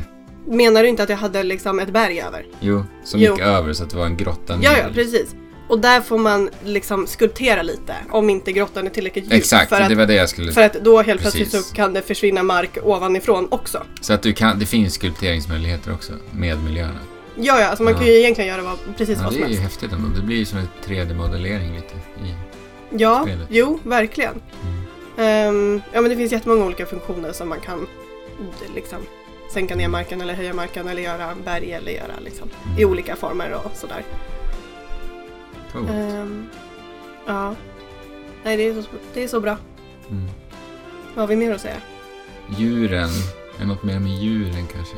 Alltså i och med att de är så ehm, unika själar Mm. så är de ju ganska jobbiga också. Okej. Vissa djur, speciellt de flyktingdjuren, är väldigt känsliga för publik. Mm. Och där har jag sett på många problem förut. Ja, just det. För att det är, det är ju såklart ett zoo också, så vi får ju massa besökare. Ja, Mm. och då står besökarna och gormar och skriker på sitt språk och bara så här helt vilda. Ja, för Och sen visst, så visst blir en gasell lite... superrädd och stressad och så springer den iväg och sen så helt plötsligt kommer massa, eh, massa folk som protesterar. Och då Just får det. man böter. Alltså ibland, jag blir galen. Vad är det de säger när de protesterar? Hola! de, de har ju något sånt Nej men gud, jag kommer inte ihåg språk. nu. Ja, men det är, alltså, språket är jättekul och jag brukar gå ner till liksom, besökarna och bara Mm. lyssna på vad de säger. Ja. Det är jättekul. Ja, det är charmigt. Ja. Det, är, det är också lite fint. Vi pratade om de här byggnaderna förut. Din karantän och allt vad det var. Mm. Och det, det var faktiskt en fin detalj du visade mig. Man kan ju alltså zooma in i byggnaderna. Ja! Och att de har lagt tid på att, att göra modeller för liksom alla verktyg och saker och ting inne i byggnaderna. Det tyckte jag. Ja, den enda byggnaden som inte finns någonting i, det är karantän. Ja, det var det. Eh, Det var ju mitt exempel. Ja. Men alla andra finns. Ja, den är helt kal. Men också så karantän ska det ju inte vara någonting i. Men det hade varit trevligt och, om de ändå har liksom gjort sig besväret att eh, liksom sätta upp en skylt där det står olika recept för mat. Ja, det ligger precis. plasthandskar där och det, det liksom... Och det, eh, är du ser ju massa- aldrig det. Du, den enda Nej, gången nej. du kommer se det Det är går om, in. om du mot förmodan egentligen går in och tittar. För du behöver ju aldrig vara där. Liksom. Nej, nej, nej. Det är ju bara till för mina, mina anställda.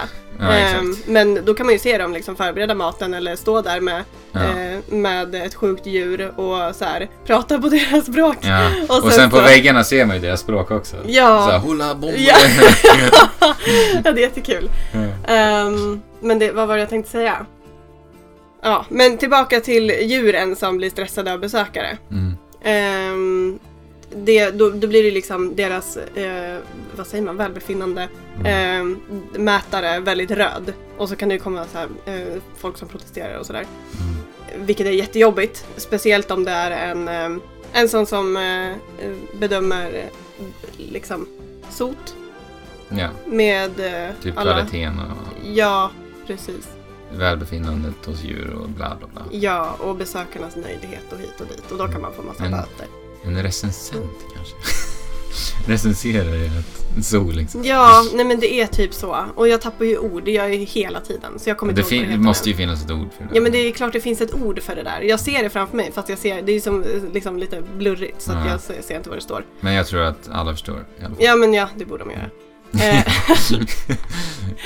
Ehm, ja, nej men så därför är det jättesvårt att hålla reda på alla djur för att de hela tiden lever sitt egna liv. Och det kan vara liksom tio olika djur som är eh, rädda samtidigt. Och då måste man forska fram massa ehm, typ stängsel som är eh, sån här, eh, så här mirror, eh, vad, vad heter det? Spegel. Ja men typ spegelglas liksom, så man Okej. ser in men inte ut. Så. Ja, just det. Mm. Ehm, Vadå, så att djuren inte ser ut? Ja, Är det sant? Ja, man ser bara Vad lite hemskt det låter. Nej, vadå? Om För man gör ett djuren? jättefint eh, habitat liksom så blir det ju jätte... Det bryr de sig inte. Nej men nej, man får göra det stort. Alltså jag, jag gör ju så stora. Okej. För du tänker på moralen? där. Ja, Och så- ja, ja. Alltså det är vissa zoner i det här karriärläget har ju en liten fyrkant på typ så här 20 kvadratmeter och jag blir galen. Alltså det är inte rimligt. Bra inflytande på spelarna. Nej, men det är också, eh, vi har, alltså, då har jag i uppgift att fixa det. Ja, okej. Ja, men då var det bra. Ja. Då var det bra. Eh, ja. Eh, sen var det nog mer jag tänkte prata om. Jag vill fråga en fråga. Mm. Jag vill fråga, vilka är dina absoluta favoritdjur som du har i ditt zoo? Alltså om jag ska vara ärlig så har inte jag ens haft alla djur Nej, än. men det är väl bra? Eller kul? det är eller? jättebra. Mm. Ja, ja, gud ja. Eh, men jag gillar ju stora djur. Typ savannens djur. De Mm. gillar jag. Typ giraffer. De är så fina. Är det sent att låsa upp dem? Eller? Det känns som en sån här... Nej man, låser, nej, man låser inte upp någonting. Okej. Nej, de finns där från början. Jaha. Alla djur. Men det kan vara svårt att få tag på dem för att Ja, de inte exakt. har tillräckligt mycket Pengar, eh, pengar. Ja. Eller såna här eh, eh, poäng. Gröna lövpoäng. Mm. Con- Okej. Conservation eh, Är det en eh, valuta points. i spelet bara? Ja, precis. För att man ska då eh, ja, men, försöka återupprätta eh, artens... Vad säger man? Standard typ? Nej, det är ju många djur som är nästan utdöda så att då får man conservation Ah, okej. rates och liksom sådär.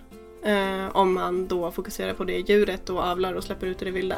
Mhm. Så då får man såna här poäng. Men vadå, kan du välja att släppa ut djur i vilda också? Mm. Okej. ja, och det Så är det är en del av hela spelet också, att behöva göra det ibland? Ja. För att få den där valutan typ? ja, men precis. Ehm, och om man köper sådana djur, det är lite olika. eh, man kan få sådana där eh, poäng eh, Mm. på liksom flera olika sätt. Men eh, för mig är det, har det varit lättast att eh, släppa ut i det vilda. Dels för att det Mm. känns bra.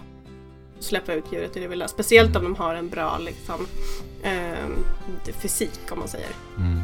Att, Men jag tänkte på en sak. Så här, du, vi pratar ju om du kan bygga så mycket och du har en hel del frihet i hur du bygger.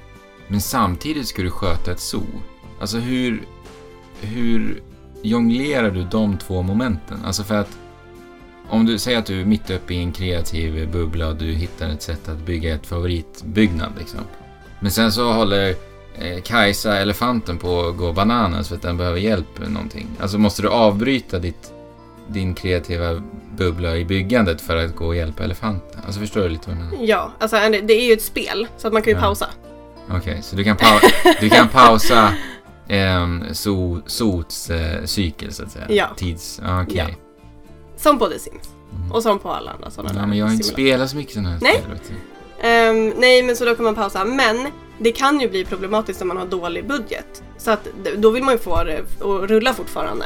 Så att man får Just in pengar För det kostar alla att besökare. bygga. Ja, ja gud ja. Mm. Ibland, alltså, jag byggde en byggnad som kostade typ 50 000 och, köp, Mm. alltså, och då köpa den, den klara blueprintsen. Jag vet inte ens vad det heter på svenska.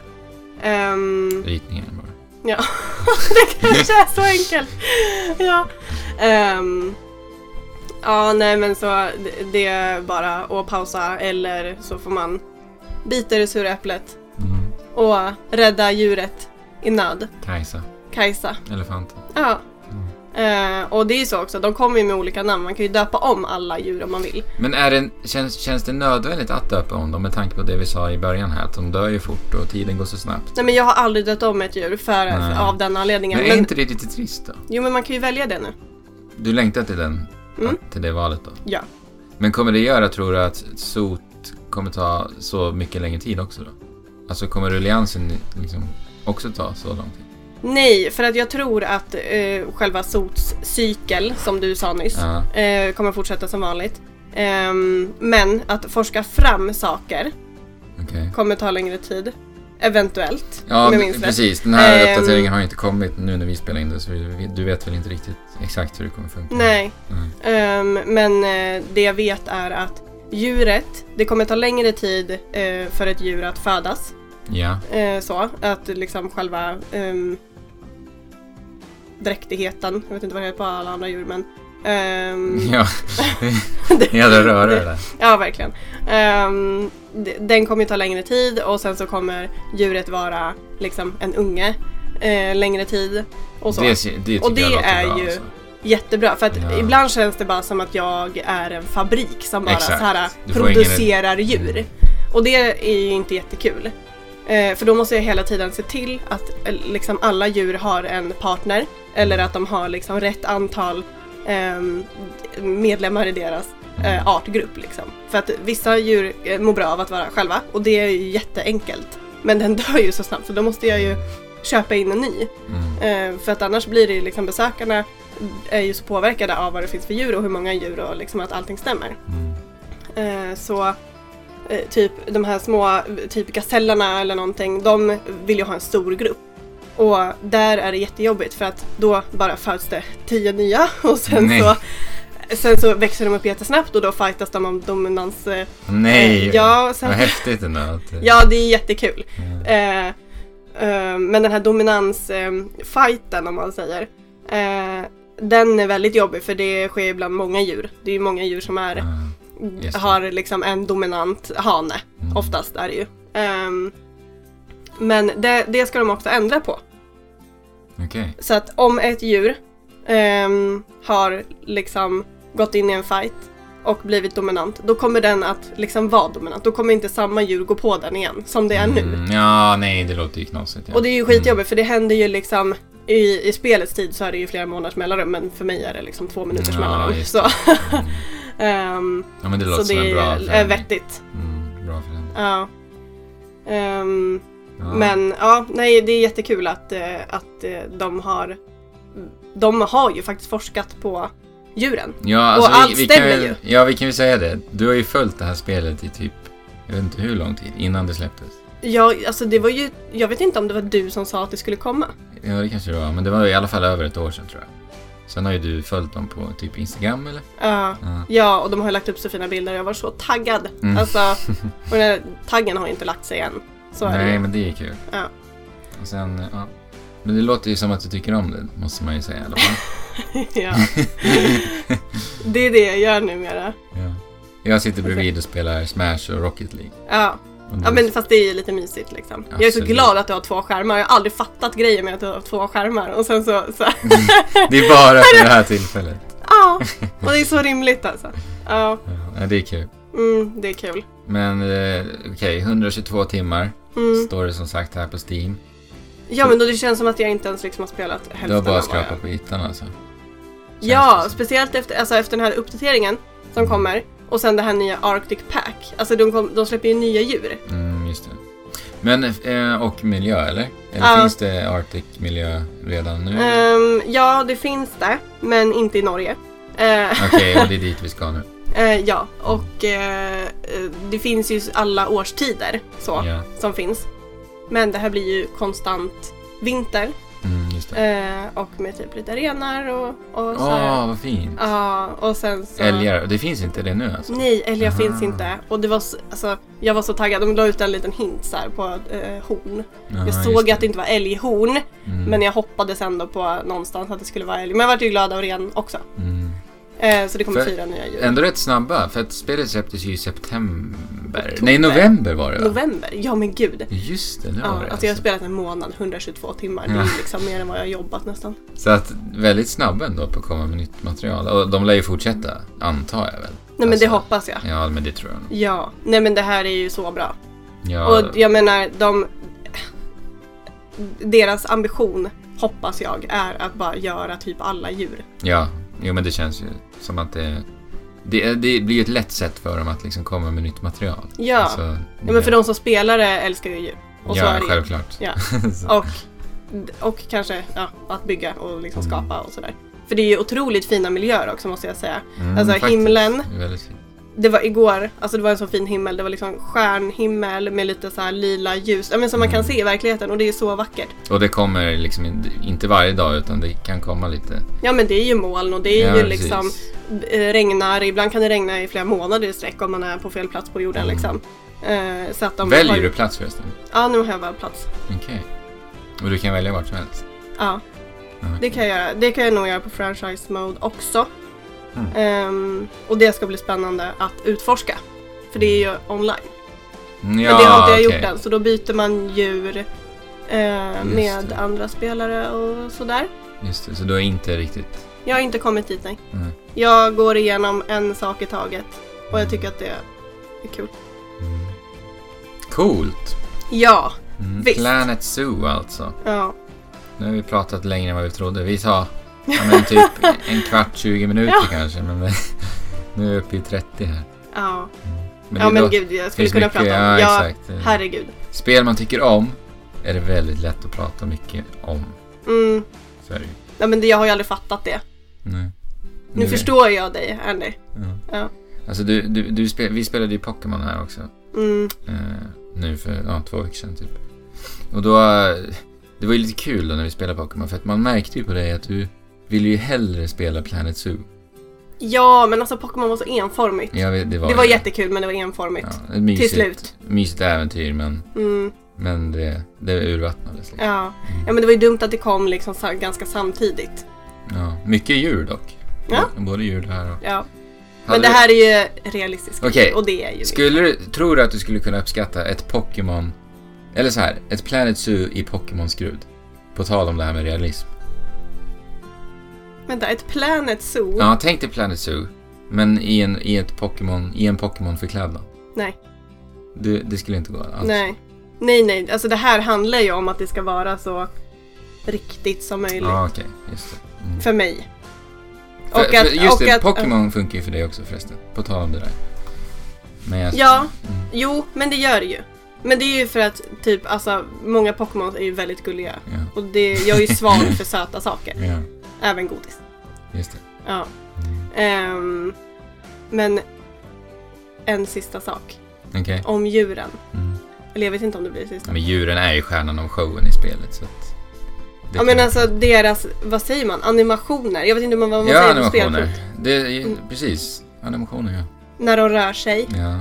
att de, när de äter, när de Mm. gäspar, när de leker. Ja, nej, men alltså det är helt galet. ja, men det syns ju så tydligt hur mycket de har studerat djuren. Ja. På Ja, alltså, verkligen. Och det har de väl nämnt en hel del på Instagram på förhand också, har jag för mig. Jag har Ja. för mig att du visade lite videos typ när de så här, ja nu har vi liksom varit och forskat på det här djuret och typ hur Mm, de ja men rör sig precis. och- Ja. Ja, Så- och så la de ut någon skitsnygg video på någon krokodil som simmade Precis. i vattnet och det såg så jävla bra ut. Och det gör det i spelet också. Alltså de har ju verkligen, det som de lägger ut på Instagram är ju spelet. Ja, exakt. Det är inte någon, någon så här fake skit. Det här, Mm. det är spelet. Punkt slut. Precis. Och det är så bra. Eller sociala medier ska jag säga. Det är ju inte bara Instagram. Nej, självklart inte, men Nej. jag är typ bara Det är på där Instagram, du, så att, ja, ja, det är där jag följer dem. Mm. Ja, det finns så mycket att prata om, men, men ja, djuren. Det är så bra. Mm. Älskar Hur, må- hur många djur utav tio djur får Planet Zoo i betyg? Utan dig. Det finns tio djur. Hur många djur får spel? Hur många djur på spelet? Ja men det, det är en eh, tio skala. Tio! Ja, En enkel tio skala bara. nej men gud, de får ju hundra djur. Okej. Så perfekt spel. Mm. Förutom vägarna. ja. Förutom vägarna. ja, men det är bra. Mm. Nu eh, tackar vi för dig Filippa. Kul Tack. att du var här. Ja men tack för att jag fick vara här. Mm. Det var Kan- kul. Kanske vi återkommer, vem vet, när det kommer lite fler uppdateringar till Planet Zoo kanske. Ja men kanske det. Ja, Det får vi se. ja vi får se. Kul!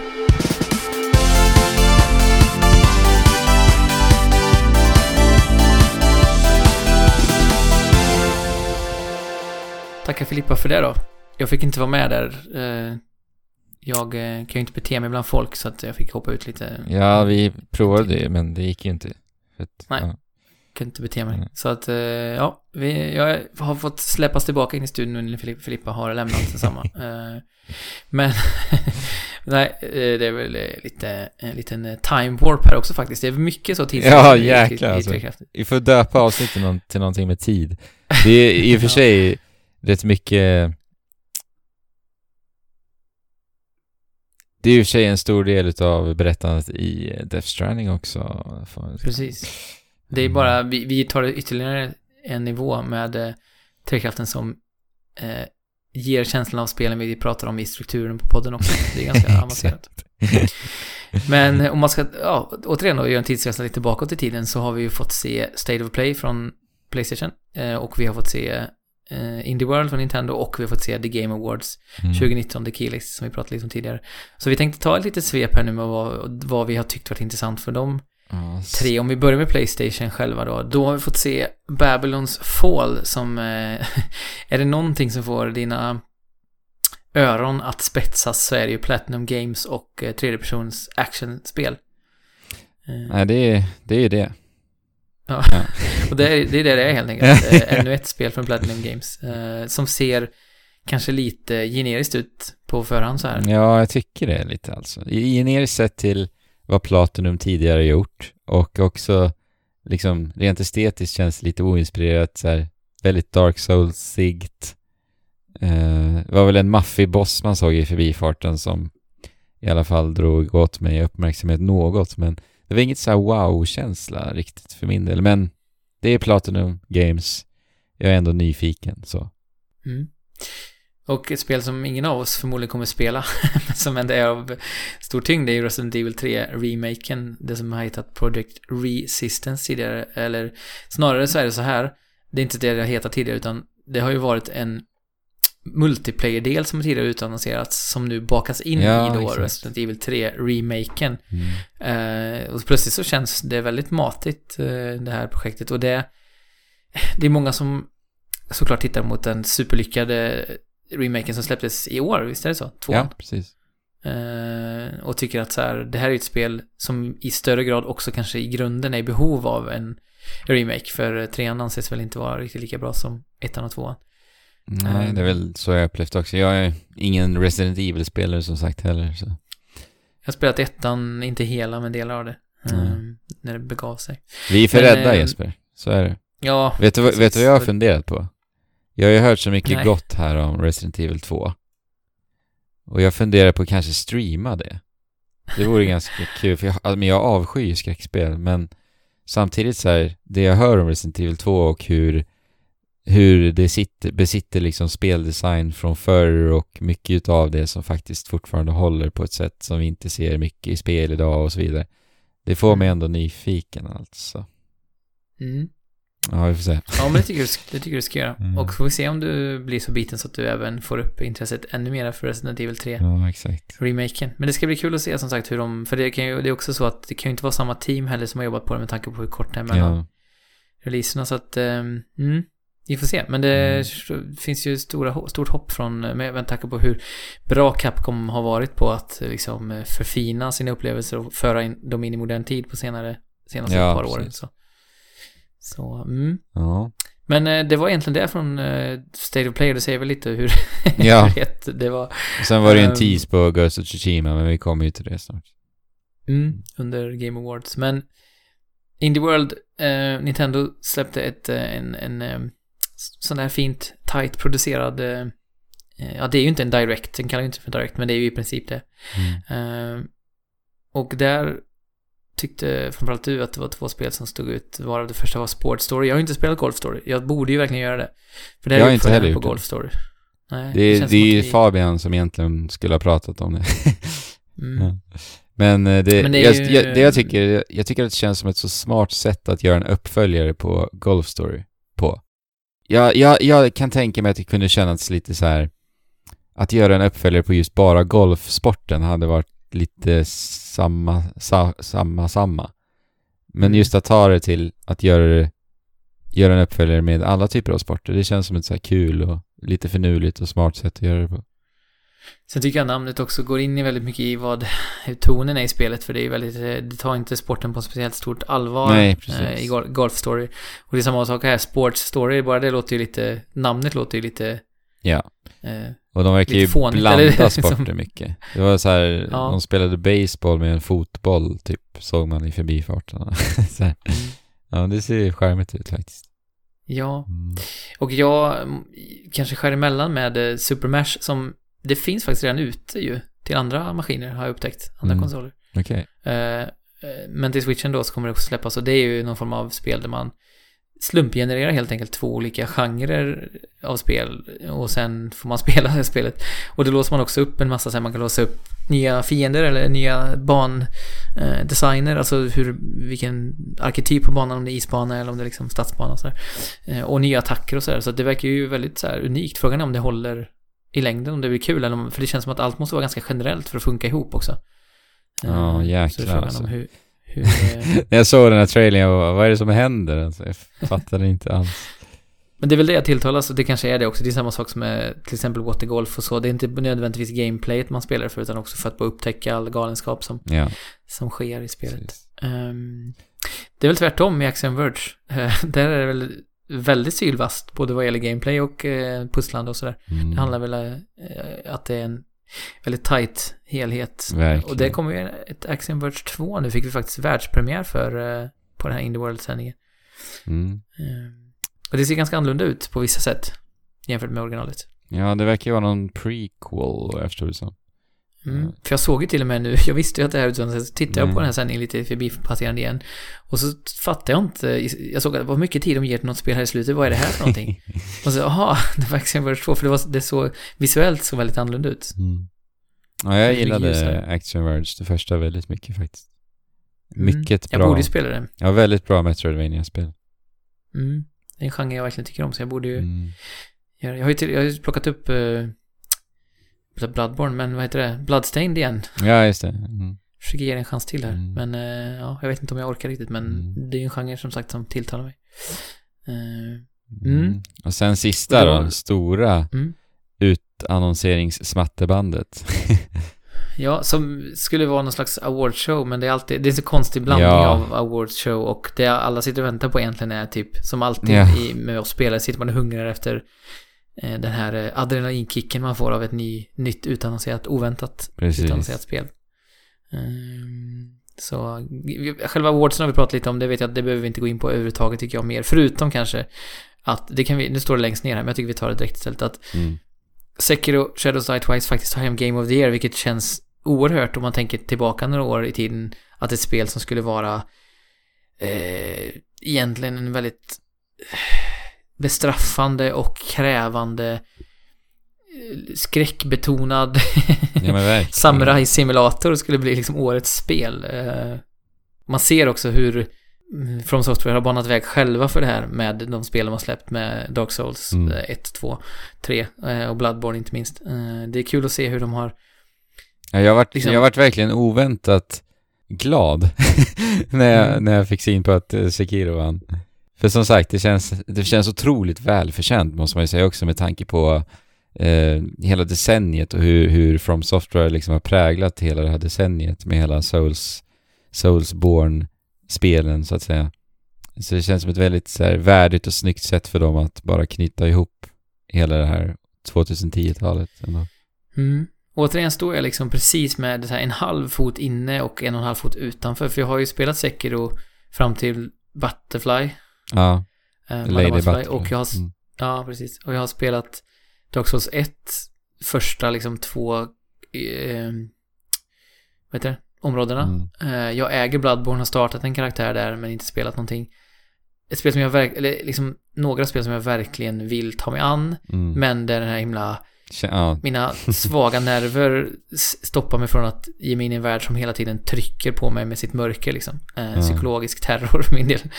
mm. Ehm, och, och jag menar, Sekiro är nästan värst av allt. För att det är ju inte lika läskigt som de andra spelen på en del sätt. Men det tvingar en att så här, nu måste du stå här, du får inte fly, du måste bara blocka i exakt rätt sekund. ja. Och det är det du ska göra liksom. Och jag menar, du sa, vi pratade om det här när vi spelade spelet och det tog ju tid för mig att ens liksom klara av att plantera fötterna och bara stå där. ja. För jag blir så oerhört eh, skrämd av de här attackerna och det är ju väldigt ofta det är ganska vildsinta attacker som man känner att det här kommer inte jag klara av fast man vet Mm. att spelet är gjort så länge det inte är en röd attack liksom så klarar man av att blocka ja. Eh, och, och man har stamina. Men, eller posture.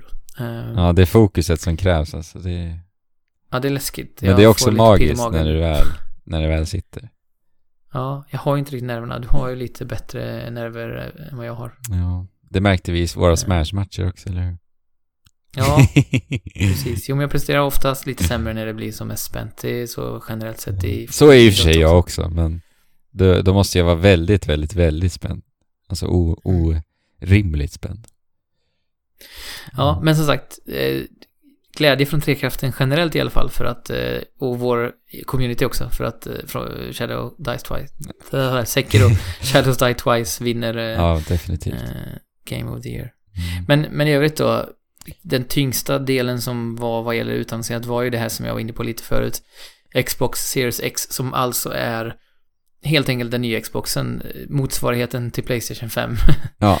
Ehm, och det här föranledde ju då utannonseringen, det kom ju på, ja jag såg den på morgonen svensk tid då. Det föranledde ju en diskussion på en och en halv timme, en intensiv diskussion en och en halv timme med min, eh, mina kollegor på Öppna Världar, vår podd, som jag också är med i. Okej. Aron Westerberg Ingehög framförallt som ju är eh, han tycker inte om att bli kallad Xbox-fanboy och det tycker inte är rättvist heller. Han tycker väldigt mycket om Microsofts eh, liksom, eh, kurva, vart de är på väg. Precis. Och inte minst mycket så här inkluderings eh, initiativ, vilket jag också såklart Ja. gör två tummar upp för. Men han eh, ha- hans take på namnet då, om vi börjar där, är ju att eh, det blir ju som en eh, som en iPhone-variant. Ja, ja. Det är den senaste Herregud. iPhonen bara och, Ja. och de, de går ju i den riktningen. Men jag Ja. tycker fortfarande så att jag förstår inte riktigt vitsen med att ändå kalla det någonting som är så likt Xbox One X. Varför måste det Xet in där? Exakt. Eh, Det är ju just det som är det märkliga här. Just eh, den Och- sista bokstaven. Ja, eller så här, det var ju så kul också för det var någon som skrev, det var någon som skrev på Twitter så jag, eh, Microsoft i Sverige hade twittrat ut, eh, ja, eh, trailern då till, eh, till Xbox Series X och då skrev någon, varför, utannonsera bara Scarlett, varför ska man ha den här konsolen emellan för det verkar helt meningslöst, det är bättre att ni bara släpper Scarlett. Jaha, nej vad kul. Det är ju då såklart Scarlett. Eh, Så att... eh, mm. Scarlett Men är ju ett man- snyggare namn alltså. Ja, det är det. Men som sagt, det kommer väl bli så här. Det kommer, de kommer- ha olika se- serier Ja. och man kommer kunna köpa en digital, man kommer Ja. kunna köpa en som är billigare eller vad Ja, för de är, det är kommer- redan pratats om att de har ju något, eh, någon konsol som går under namnet Lockhart som ska vara någon billigare variant och den kommer få S1 då, efter Series eller vad det nu kan vara. Ja. Så Men det är också skönt att, att S och X är så olika varandra så att det inte går att slin, det är ju slinta på orden. det är ett haveri det där. Men om man som sagt försöker bortse från det namnet, för jag har ändå känt att jag har bränt ut mig på att diskutera det namnet eh, tidigare. Men som, som helhet då, vad tycker du om, vad får du för känsla av eh, Ja, i- utannonsering och design och Ja, så? men jag tycker designen känns... Den känns så här... den- Det ser ut som att det, det, det, nej, men den liksom skriker pondus och lyxighet på något vis. Mm. Eh, men samtidigt så tittar jag på den och tänker, hur i helvete, var ska den få plats? Jag har ju ingen tv-möbel för den. Och det var det första min tjej sa också. Men där kan man ju inte ha någonstans. Vid tvn. Mm. Så Den ser ju ut som ett eh, snyggt, slickt datortorn i princip. Alltså, ja, det är ett snyggt liksom en- datachassi ja, liksom. ja. Mm. Eh, jag blir också definitivt sugen på konsolen, eh, alltså formfaktorn. Men Mm. jag har ju sneglat mot Xboxen ganska länge nu under den här generationen mot slutet. Vi har inte spelat speciellt mycket på en PS4 på senare, ja, jag vet inte, senaste året kanske nästan. Mm. Eh, jämfört med hur mycket jag spelade innan. Och ehm, Game Pass har ju ett suveränt bra Ja, värde nu. Och det är för att de herregud, har legat alltså. i, i underläge så de var tvungna att göra, göra någonting.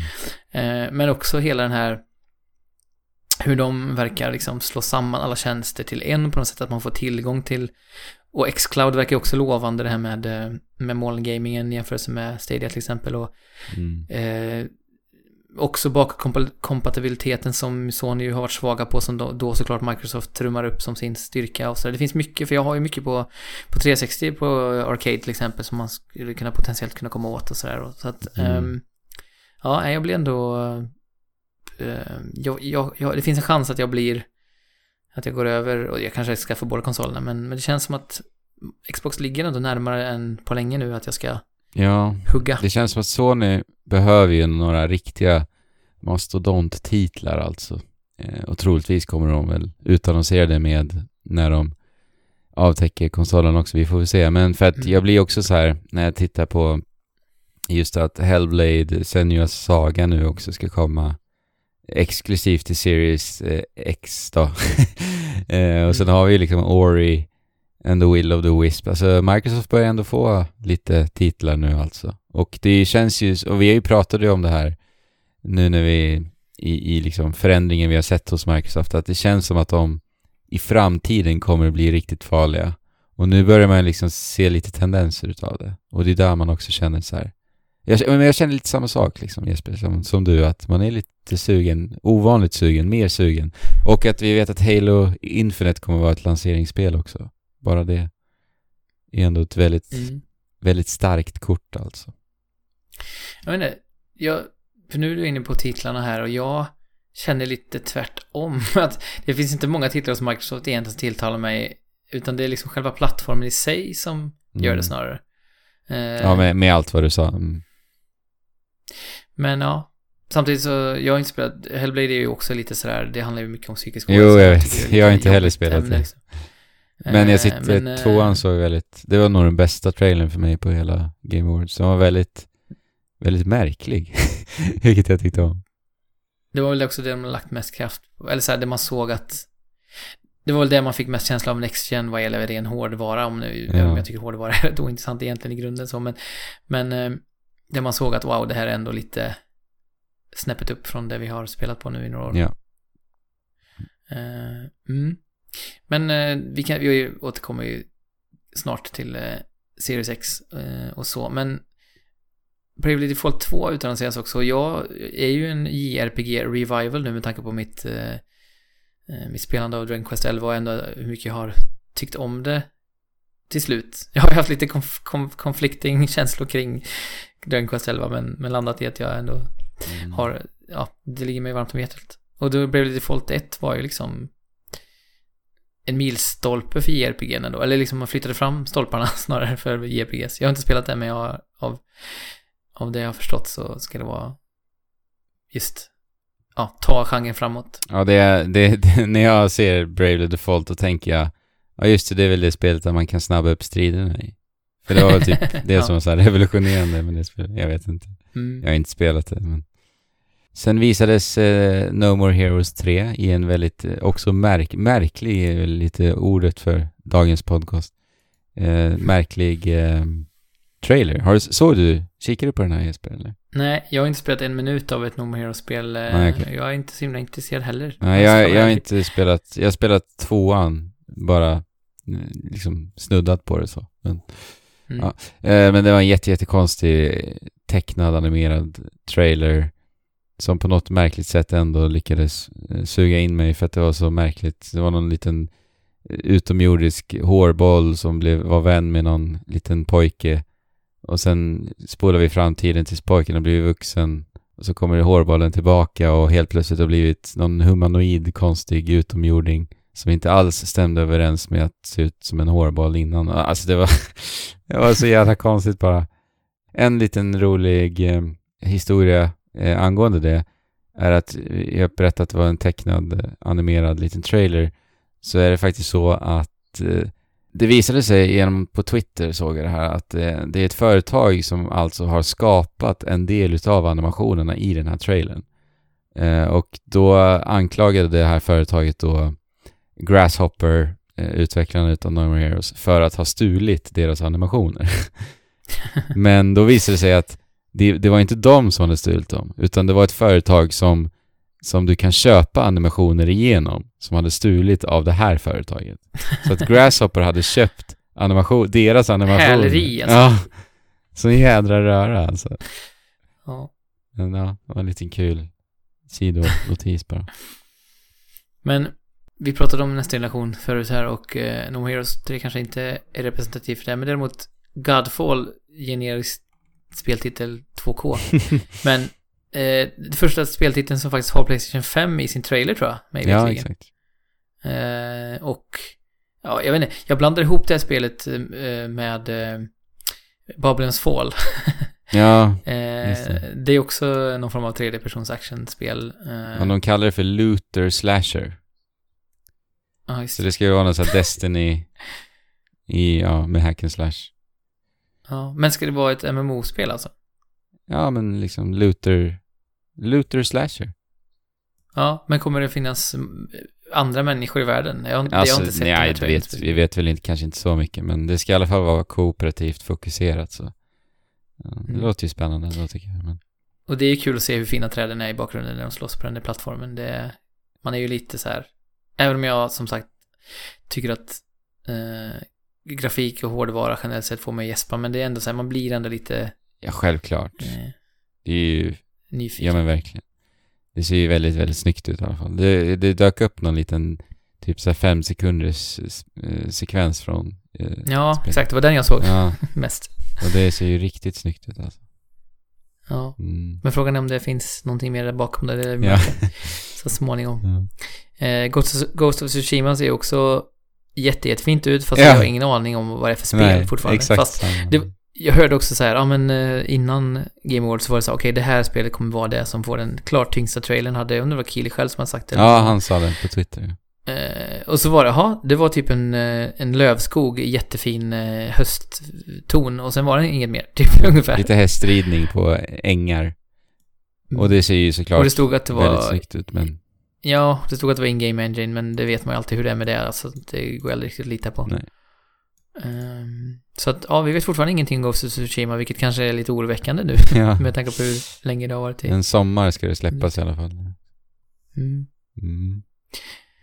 Ja, någonting som bara ser bättre och bättre ut för varenda gång man bara tänker på det eller ser, ser någonting ifrån det är ju Final Fantasy 7 remaken. Ehm, jag är så fantastiskt peppad på det här spelet.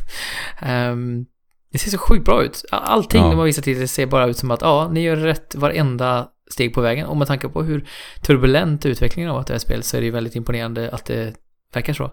Ja, men till och med jag som hatade Final Fantasy 15 och inte har spelat Final Fantasy 7 tycker att det här ser bra ut. Ja. Riktigt ja, bra det, ut det finns alltså. så mycket Det finns så mycket att eh, diskutera det, men vi ska inte göra det. Eh. du lägger dig bara. Jag, jag tänkte på det senast idag, att vad, vad bra fighting-systemet var i Final Fantasy 13 förresten. På tal om... Nej, okej. Serie. Nej, jag spelade inte 13. Nej men, det, det spelet har ju många brister förstås, men fighting-systemet, det har fått mycket kritik, men jag tycker det är fantastiskt för det är ju lite så auto, det spelar sig självt och sen byter du hela tiden bara roller på dina karaktärer on the fly och du sätter upp olika liksom lag. Så här, det här är, nu är det magi, magi plus attacklaget, nu är det magi plus healing-laget och sådär. Sa du Final Fantasy Eh, 13? 13 ja. Exakt. Ja, för jag har ju hört att Eh. 12 ska också ha ett riktigt bra stridssystem. Ja, så um, det är väldigt, jag blir väldigt nyfiken på att se hur det här actionbetonade fighting-systemet i, F, i remaken eh, Mm. i F7 ser ut. För att det finns ju också det gamla, man kan ju växla till eh, Active Time Battle här också om man skulle vara purist. Mm. Ja, nej, det här kommer ju, det kommer bli eh, en, en njutning att få dyka in i ett Final Fantasy-spel som man dels har massa nostalgi kring, eller jag har, och dels ser så ljuvligt, alltså även grafiskt ser det helt fantastiskt Ja, ut. det så att, är, det är nästan... eh, Ja, det är o, orimligt snyggt alltså. Ja, så att jag... ehm, Och Midgard-delen, den första, liksom, är den bästa också tycker jag i spelet, så att... eh, Mm. Mm. Mm. Mars, sen blir det Animal Crossing och Doom Eternal och ja.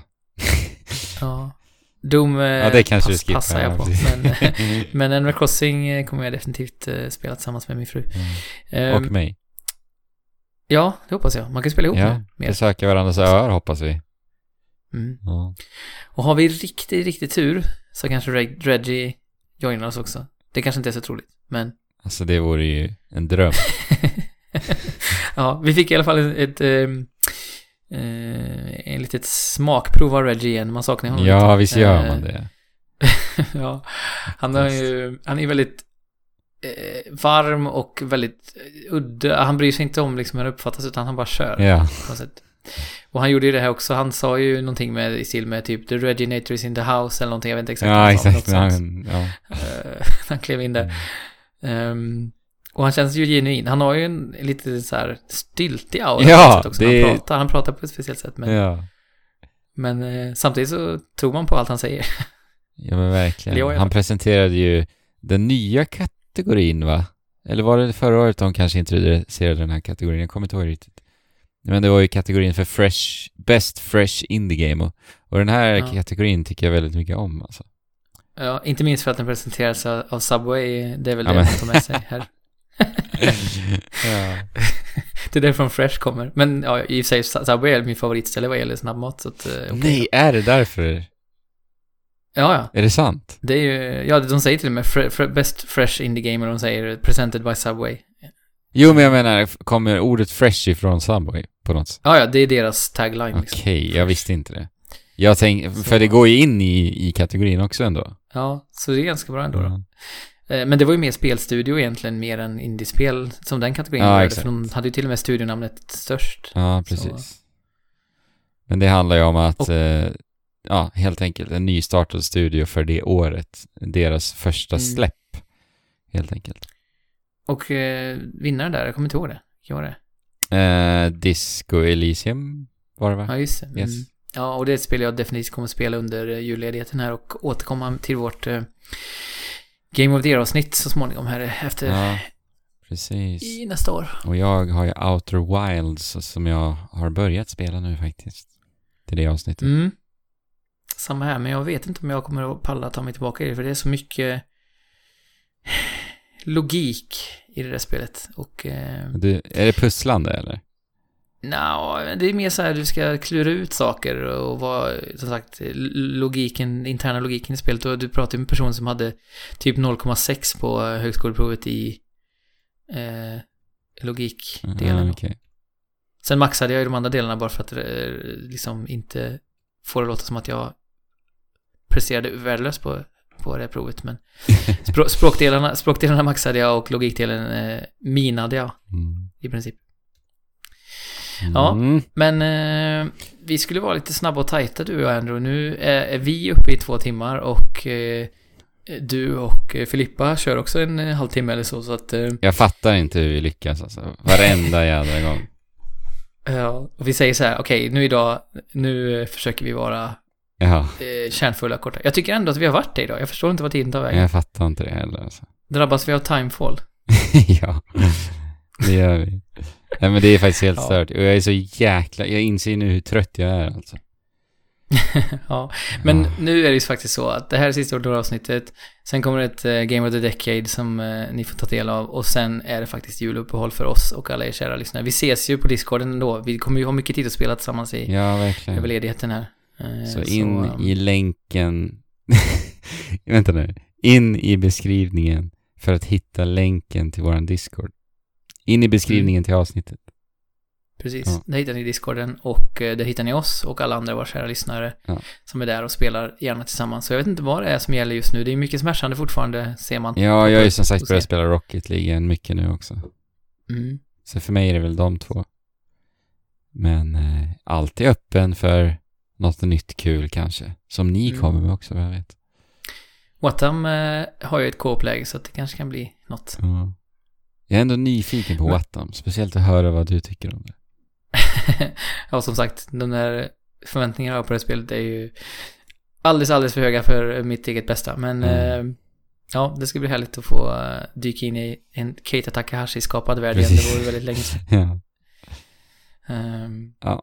Ja, men med det sagt så, eh, så får ni eh, njuta av Game of the Decade och ha en underbar jul och nyårsfirande. Som vi kanske också säger i det avsnittet. Jag hoppade ur det tidigt så jag vet inte riktigt vad ni sa. Jo, men vi sa det. Men det kan Ja, vi säga Men igen. då får ni, ja, ni får hälsning från mig också. Ja, men precis. Det får ni veta. Ja. Men eh, tack så mycket för detta år och tack så mycket Andrew. An- Andrew? Mm. Andrew? And, vad, är det du heter egentligen? Jag Andrew. kommer inte ihåg. Andrew, just det, så är det. Mm.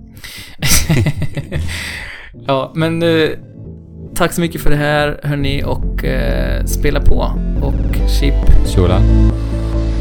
hopp.